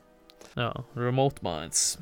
Så det er, det er Men det her kommer jo mm, Det er jo horder med fiender som kommer sprengende. Så um, kommer vi til nest siste brettet, da. Det er caverns. Det er Ja. egentlig ei hule. Du springer etter hula og prøver å jakte han Trevilian. Ja. Det er egentlig stort sett det du gjør i det brettet. Ja, kjempeartig brett eh, med, som innbefatter både sniking og, og lystmord. Uh, Og der tror jeg faktisk kan bruke eh, RCP-90 litt eh, tidligere i spillet, for i Jungle så får du bare helt på slutten. ja, her får du den ganske, ganske tidlig, ja. Du finner den i en sånn ammo-kasse. Og det er utrolig sti stilig brett å finne tagle òg, hvis du tar helt feil. Og Mm. Det er massevis av våpen. Eh, finner du ikke Magnumen nå her, tror du? jo, Magnumen gjør det, ja. Ja. Og Natalia bruker faktisk Magnumen også i den junglebanen. Ja, det Da gjør går hun Hun også rundt og skyter. Ja, hun gjør det. Hun springer jo faen meg mer i veien enn jeg gjør nødt for seg, men ja, ja. Og hvis dere lurer på hvorfor vi stresser litt, det er fordi at vi har også lyst til å snakke litt om multiplayer-del. Og så skal han Otto spille inn eh, en episode med Retrotimen eh, snart òg. Å ja. Men vi kjører Det kjører var jeg ikke klar over. ja. Ja. ja. Og da kommer vi til det siste brettet på det vanlige runnet, da. Mm. Som heter Cradle. Det er, da er du om bord på den der dritsvære antenna som faktisk fyller et helt sånn eh, vulkankrater. Ja. Og her er det det her er det én ting det går ut på, og det er å jakte på han Alec Trevelyan. Og det er bare å sprenge etter han og skjøte han hele tida. Det er bare å sprenge etter han og skjøte han i ryggen så, så fort du bare klarer. Så skal du jakte på etter han, og så til slutt så sprenger han ned og under antenna, ned i bunnen liksom, av, av sjølve antenna, da. Og Mm. der eh, så skjøt hun, og da detter han av eh, antenna ned i tallerkenen til slutt. Men det der er et brett som er vanskelig med store bokstaver. I hvert fall på det vanskeligste vanskelighetsgrad. Er. Hvor mange ganger greide jeg å si 'vanskelig' der? mange. Du, du springer ja, ja, rundt og jakter på han, Trevelyan, skyter litt på han, og til slutt så ender inne på en bitte liten plattform. Mm. Og når du først hopper ned der, det er da du kan drepe han. Men eh, du kan faktisk drepe han litt tidligere òg, når du får tak i den Golden PP7 etter å klare en cheat code, som vi skal nevne om nå. Ja. For alle brett har jo også sånne cheat codes som du kan unlocke med å klare spillet innenfor en viss tid og viss vanskelighetsgrad. Samtlige brett, tror jeg, har vel den uh, Alle du- brett har. Ja. Så hvis du klarer det på Hvis du klarer et level på under normert tid på en viss vanskelighetsgrad, så får du unlocka en sånn cheat code. Og der er veldig mange av. Ja, jeg husker det var en Donkey Kong-mode, for Ja. Det er big head mode, ja. Og så er det Golden PP7. Det er akkurat som Golden Gun, bare at du har sju skudd, Mm. som er også overkill. Og jeg husker ikke alle Nei, du har masse Paintball eh, Paintball fikk du på ene. Ja, husker jeg, paintball, ja. så- har du eh, Du kan unlock f.eks. Uh, uh, doble granatkastere i uh, I multiplayer og sånt. For det er to andre brett som vi også nevnte. Ja. Det var Aztec. Da må du klare alle eh, brettene på Secret Agent. Ja. Og det er et brett som er inspirert av Moonraker. Og der får du tak i sånne lasergunnere, som er jo jævla kul. ja, det er jo faktisk uh, Moonraker-brettet, er det.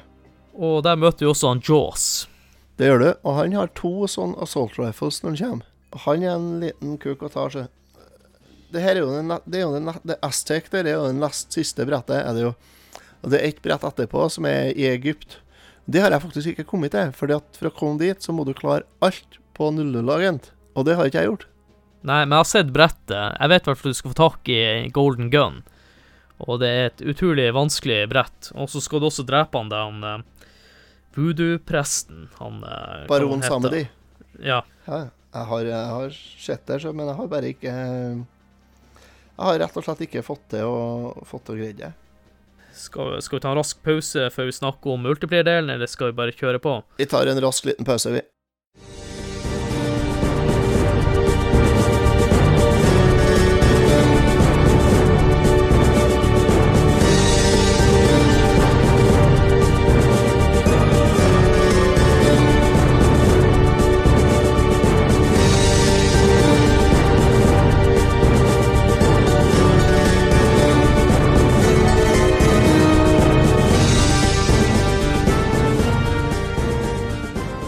Da tenker vi kan snakke litt om multiplayer-delen. Ja. Husker du øh, første gangen du spilte multiplayer?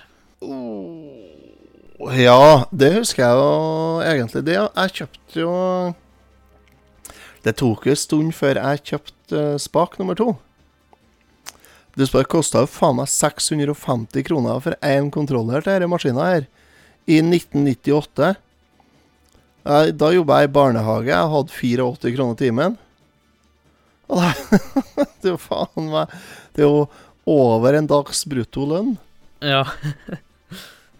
Så Nei da, ja, jeg husker det. Eh, jeg kjøpte ei spak, og så var det en kompis av meg som var i Forsvaret på Bardufoss, som lånte med seg ei spak fra en på rommet på kaserna.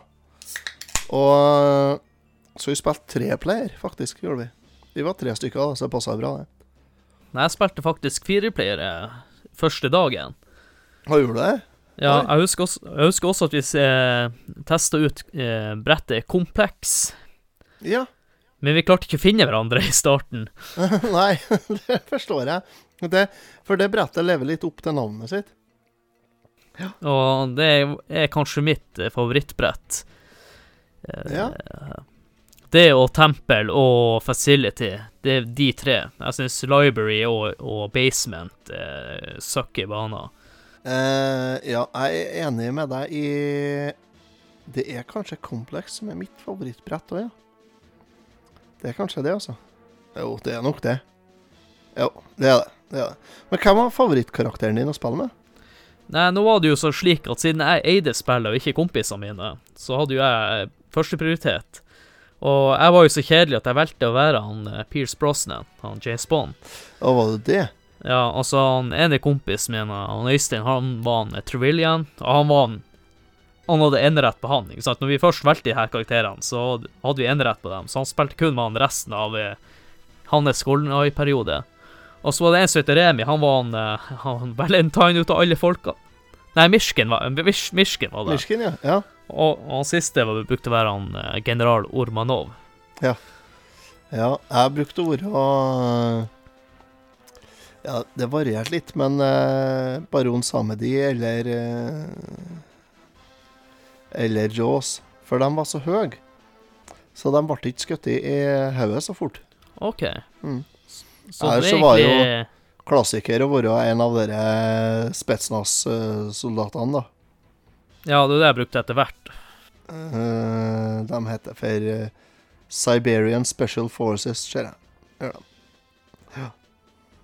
Så, men det var jo Det var der, det var jo Dæven, det er mange å være til. Ja, ja, det ble det etter hvert. Når du klarte spillet, så fikk du flere karakterer. Men etter hvert Du var litt sånn, du låste dem opp etter hvordan brettet du hadde vært på. Ja, ja. ja. Hvis jeg ikke tar helt feil. Ja, Stemmer det. Eh, det var jo eh, En av de greiene med de cheat codes-greiene var jo det at du låste opp karakterer med det. Gjorde du vel. Ja. Så nei, jeg, det, jeg syns det var Ja, fader, var det mange, da? Det måtte jo være en eh, Over 40 stykker, ja. Ja, det må ha vært noe rundt der. Ja. Men husker du hvordan game modes som var? Jeg husker noe Capture the Flag og King of the Hill, eh, eller tar det helt feil? Kanskje jeg blander med Perfect Dark? Mm, nei, jeg tror det stemmer Kanskje. Jeg tror du kunne spille Ja, jeg husker for at du kunne spille to mot to, eller én mot tre. Ja, ja, ja. Du kunne spille lag, ja. Det var stort sett det vi brukte å velge mest. Har spilt alle all, all mot alle. Ja, det brukte vi også av og til. Ja. Det varierte litt. Nei, det var det beste, ja. Det var det vi spilte. var det. Det var jo om å gjøre og også førstemann til Eller Førstemann til fem kills. Eller ti kills. Ja. Men jeg husker når han eh, Du hadde en game mode som heter Man the Golden Gun. Den var også litt artig. ja, da var det én som greide å få tak i en sånn pistol som har ett skudd, og med det skuddet så daua du. Ja, det var one shot-pistol. Du var død hvis du ble truffet. Eh, Vi brukte ikke det. Og så var det dette proximity mice. Sånn miner som går av når folk kommer i nærheten. Det inn på kompleks, det var saken. Ja, ja det jeg gjort Hvis mye. ikke det ble, hvis ikke det ble dårlig stemning da så, Ja. Jeg husker også Remote Minds. Det er jo dem du kan eh, ja, de aktivere sjøl. Ja, de fyrer av med Ja, klokka. og, og da ble man så god at man kasta med lufta og sprengte med lufta mens det var i lufta. Mm. Og ja, det var jo helt Texas. Mm. Jeg, jeg føler at det er litt vanskelig å prate om det i game-moden også, fordi at uh, det er så mye å fortelle, men, men i bunn og grunn så er det ikke så mye å fortelle. Det er så enkelt, vet du. Ja. Er det? ja så det er, det, det, det er kun minner og og Ja, det er jo kun minner og sånt det går på. For det er jo Hvis du ser på spillet i dag, så er det jo ikke helt fantastisk nydelig å se på. Det er det jo ikke. Eh, Det er ikke det, altså. Ja, men det mest spesielle, vil jeg si, med multiplayeren, det er jo at du satt og så på samme TV-en i lag med én eller to eller tre andre kompiser med split screen. Helt klart. På en 24-tommer. Maks. Ja, maks, ja. Og så Det er litt mer den stemninga rundt det, for jeg husker, siden jeg var den eh, eneste klassen som hadde det, Mm. eller også eh, si, en av de få i hele boligfeltet jeg bodde, så kom det masse forskjellige folk på besøk til meg og testa det ut. og Ja, det kan jeg tro. Det var et veldig sosialt spill. Ja. Når jeg bare tenker over eh, alle plassene spilte Golden Vi var aldri bare to stykker, vi var alltid kanskje av og til seks-sju stykker som spilte på, på tur. Ja, ikke sant? Ja. Og kompiser tok med seg kontrollere og diverse. Og, Det var sånn typisk fullsjukspill hos oss. var ja, vi var ikke gamle nok, vi da. Vi var mer eh, høy, høy på sukker. Det var sånn typisk dagen derpå-spillet, Golden Eye. Sitte og kulen og drikke lårvarm solo og spille Golden Eye. Ja, men jeg gikk litt sånn sport i det også, så blir jeg alltid litt sånn sure miner, husker jeg. Og Ja, ja, ja. slå det. til hverandre i armen og, og litt sånn han, eh, Ja. Nei, den som ikke har blitt sur når spilt det, du, det er faktisk ikke så lenge siden jeg spilte multiplayer i Golden Eye sjøl, er det ikke? Jeg tok med meg Jeg tok med meg Nintendo 64-en min og noen kontrollere, og så Golden Eye, og så for jeg til en kompis her for eh, Ja, det er ikke så veldig lenge siden det, altså. Og så kobla vi opp på, på TV-en hans, og så satt vi og spilte eh, toplayer. eh, Det var bare to stykker. Så spilte toplayer, multiplayer, og satt og spilte litt eh, missions innimellom og sånn. En hel kveld og bare kulan og prata skitt og spilte. Det ja. skikkelig trivelig. Tur nedover memory lane, altså. Ja da. Jeg trodde jeg ikke hadde så mange minner fra det spillet her. Eller jeg visste jeg hadde det, men jeg begynte å se den walkthroughen og alt det der, og gjorde litt forskning av spillet. Det, Ja. Det var et helt år fra 97 til eh, jula 98 før Selda kom, så han nesten kun spilte det. Ingenting annet. Ja, nei, det var jo altså, altså det var jo litt med det at det kosta jo Spillene kosta jo 600-700 kroner. Og vi har jo ikke så forbanna mye penger. Jeg var jo Jeg bodde jo for meg sjøl oppe i Bardufoss. Jeg hadde jo husleie, og jeg hadde bil, og jeg hadde jo mat. Og, altså, hvis ikke jeg kjøpte mat, så var det ingen andre som gjorde det til meg. Ja, det er derfor jeg ville ha det som gjest også, fordi at eh, jeg var jo en liten skitunge. Jeg fikk jo spille hos foreldrene mine enda på den tida. Nei, så det, det, det var sånn Det ble jo Du, du spilte jo når du først har kjøpt deg. Og hvis det er dum at du har blåst uh, 650 kroner på spillet, så skulle jeg faen meg spille, så. Og det ble det jo. Det, du vet det. Jeg kunne tenkt meg at det hadde vært en sånn mulighet for å gått inn på spillet nå, og så sett hvor mange timer en har brukt på det. Ja, det, Det har vært ja, det har vært interessant. skremmende. Ja, jeg tror i hvert fall det, det spillet der, det ga i hvert fall valuta for Ja, ja, ja, helt klart. Hvis du skal se på, se på hva du har betalt per time underholdning, så er det småpenger. Ja, det. Men eh, det er ikke meninga å stresse. Ja, det var akkurat det jeg skulle si. Han Otto han skal snart ha ny podkastinnspilling, så ikke fortell til meg. Så derfor det blir litt sånn hurtig snakking på slutten. Noen overraskelser må vi ha. Ja, jeg skylder på Otto for at det blir litt stress på slutten. Skylder på meg. Så- Det er greit, jeg tar den, jeg. ja. Men eh, jeg tror vi dropper å kjøre noe eh, pause, så vi går, går bare rett på. Eh, jeg vet ikke Jeg kan jo gi litt innføring i skalaen her. Eh, vi skal sette karakter fra 1 til 10, Mm. og vi gjør på den gamle retro-karakterskalaen. Vi har fem kriterier. Ett kriterium er grafikk, ett kri kriterium er lyd, ett kriterium er spillkontroll, ett kriterium er underholdning, og ett kriterium er holdbarhet. Og vi begynner med grafikk. Ja, Øh, skal vi ha på 1997-brillene, eller skal vi si det Nei, jeg tror vi må også se det litt nå. Det blir eh, feil, for vi har ikke de inntrykkene lenger. Nei. eh, Hvis vi skal se på eh, sånn per i dag, så mener jeg at det er en firer på grafikk. mener jeg. For det er klumpete og trekanta og stygt. Uh, så, så det får firer på, på grafikk eh, med, med Otto fra 2019, ja. For det.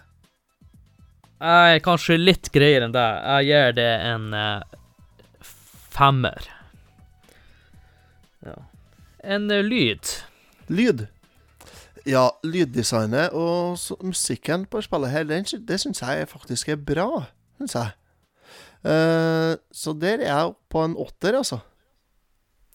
Ja, jeg, jeg tenkte med meg sjøl at det var ikke så mye sånn uh, lyder og musikk som jeg husker når jeg skulle tenke tilbake på det. Men med en gang jeg hørte lydene og musikken igjen, Mhm. så kommer alle minnene tilbake, og jeg, jeg er enig med deg. Det er en åtter. Ja, det, ja, ja. Og neste, det var vel hmm, Må jeg finne fram igjen. Og døde jo hele notatarket mitt her. Ødelegger alt, det. Ja, Det var grafikk, og så var lyd, og så var det spillkontroll, tror jeg. ja spillkontroll, ja. Det stemmer. Det er neste, ja. Ikke sant? Ja, Ja, kontrolleren, spillkontroll. på, kontrolleren på spillet her, den er faktisk drittight. En. Den er jo det. Det, du, du er litt avhengig av auto-aim og sånn der. der. Han, han, får, han får ikke toppscore hos meg i det hele tatt. Eh, Nei, den får ikke toppscore hos meg, men det skyldes jo den elendige måten kontrolleren er utforma på. Til Nintendo 64. Så, men, men sånn sjølve kontrollen, mener jeg, altså eh, mekanikkene, de er ikke noe å si på, altså. Ah, ja. De er jo, de er jo presise eh, og, og greie, så lenge du har en kontroller som er i god forfatning. Men har du en som har vært med og spilt uh, litt Mario Party, sånn at stikker bare henger og slenger og sånt, så da er det ikke så bra. Men da er det ikke noe som funker bra, da. Ikke? Men, eh, men i utgangspunktet så er kontrolleren eh, bra når jeg ser på hva vi greide å få til øh, av den. Altså, det syns jeg. Så, så det, det tror jeg det, Jeg tror jeg er oppe på en åtter der òg. Ja, jeg tror jeg gir den en Jeg ligger mellom seks og syv. Jeg gir han syv. Mm. Og så går vi til underholdning, og der er jo ganske enkelt. Ja, øh, der er- jeg har øh, Hvis jeg skal se på underholdning, så må jeg tenke på hva øh, alle minnene jeg har med spillet her. Nei. Ja, du må gjøre det. Ja, og da er jeg på en tier, jeg. Ja, for at det er Ja. Jeg gir også en tier, og det her punktet er kanskje det aller viktigste. Det er holdbarhet. Og da, da skal vi kun se på hvordan vi vil se på spillet som en helhet nå i dag. Har du holdt eh, tålt tidens tann? Jeg vil ikke si helt det. Nei, det har ikke helt holdt tidens tann. Vi har fått ting som er bedre, og spill som er bedre. Uh, men uh, Du har jo akkurat spilt litt av det nå, så ja, jeg har det, og det er Altså, jeg, som sagt, jeg hadde med meg en kompis som, som var i Forsvaret på Bardufoss i, i 98, og som jeg spilte i lag med da. Og vi satt og spilte og prata skiten hele kvelden, og, og vi hadde på å spille hele kvelden, og det Og vi har jo artig, vi, altså. Det hadde vi. Så Jo da, jeg, jeg syns det er Jeg vil si en sjuer. Sjuer, ja. ja. Jeg vil si det. ja. Jeg gir det en eh, en sekser, kanskje. Jeg tror det at hvis du setter deg framom en eh, TV med litt størrelse på, og du får plugga til en HD-moda 64 med fireplayer og fire gode, tighte spaker, så Og to flasker Tequila, Ja, så tror jeg det her er en helaften. Det tror jeg. ja da. Ja da, det det er ikke en hel, helaften, er ikke jeg med to flasker Tequila. Men, men, det, men det, er en, det er en halvaften. så, det, så jeg tror det at eh, Jeg tror det at når det kommer til holdbarhet, så tror jeg det er litt Hva gjør du ut av det? Tror jeg. Det er litt med å skape stemningen, er det. Eller to stykker som må sitte på gulvet og Ja. spille. Det må være det. Ja. Og så to i stoler. Ja, ja, stemmer. Ja. Det var aldri Sånn mer enn to stoler. Nei, aldri. Ja. Nei, vi får, uh, vi får avrunde det her nå, også, siden du skal ha ny innspilling. Og da må jeg jo gjøre som vi alltid gjør på slutten. Den formelle delen av uh, podkasten. Du, bare, bare en liten ting først. Jeg Ja. har en liten, eh, en liten anbefaling. Og det er hvis du, hvis du husker Golden Eye fra 1964, og du har gode minner fra det, ta og sjekk ut Golden Eye til Nintendo Wii. Det får du for en 100-150 kroner på eBay. Og du kan spille med GameCube-kontroller på Wien din. Det er faktisk ei meget fin opplevelse. Ja, det. Så det anbefales. Golden Eye til Nintendo Wii anbefales. Det er stalltips til Otto. Og, Ja. og da skal skal endelig du eh. Ja. Eh, Jeg vil oppfordre folk til å gjerne like og dele sider eh, som ikke er spillinja i første omgang, men sidelinja. For spillinja er en bonuspodkast til sidelinja. Og så vil jeg også oppfordre folk til å abonnere på iTunes i og Soundcloud. Og vi er faktisk også på Spotify nå. Men eh, du må abonnere på, som sagt, sidelinja, for spillinja kommer under sidelinja. Hvis du vil eh, få oss med en gang. Og så hvis dere er litt interessert i å være gjest, eh, så ta gjerne kontakt med meg. Jeg, som sagt, eh, i spillinja så snakker jeg om eh, spill som er gitt ut ja, fra tidenes morgen til nå nettopp. Ja. Eller så kan dere dere kan jo ringe på eh, Adrian òg. Da ringer dere 21 60 40 40, og så spør dere bare etter Adrian. Ja, jeg tror vi bare sier ha det nå. Tusen takk, Otto, for at du kunne være gjest. Det ble, ble litt stress på slutten, men uh, jeg skylder på deg. ja, tusen takk for at jeg fikk være med. Det her var kjempeartig. Det var skikkelig artig å snakke om Golden igjen. var det. var utrolig koselig. Så da vi snakkes. Ha det. Vi snakkes.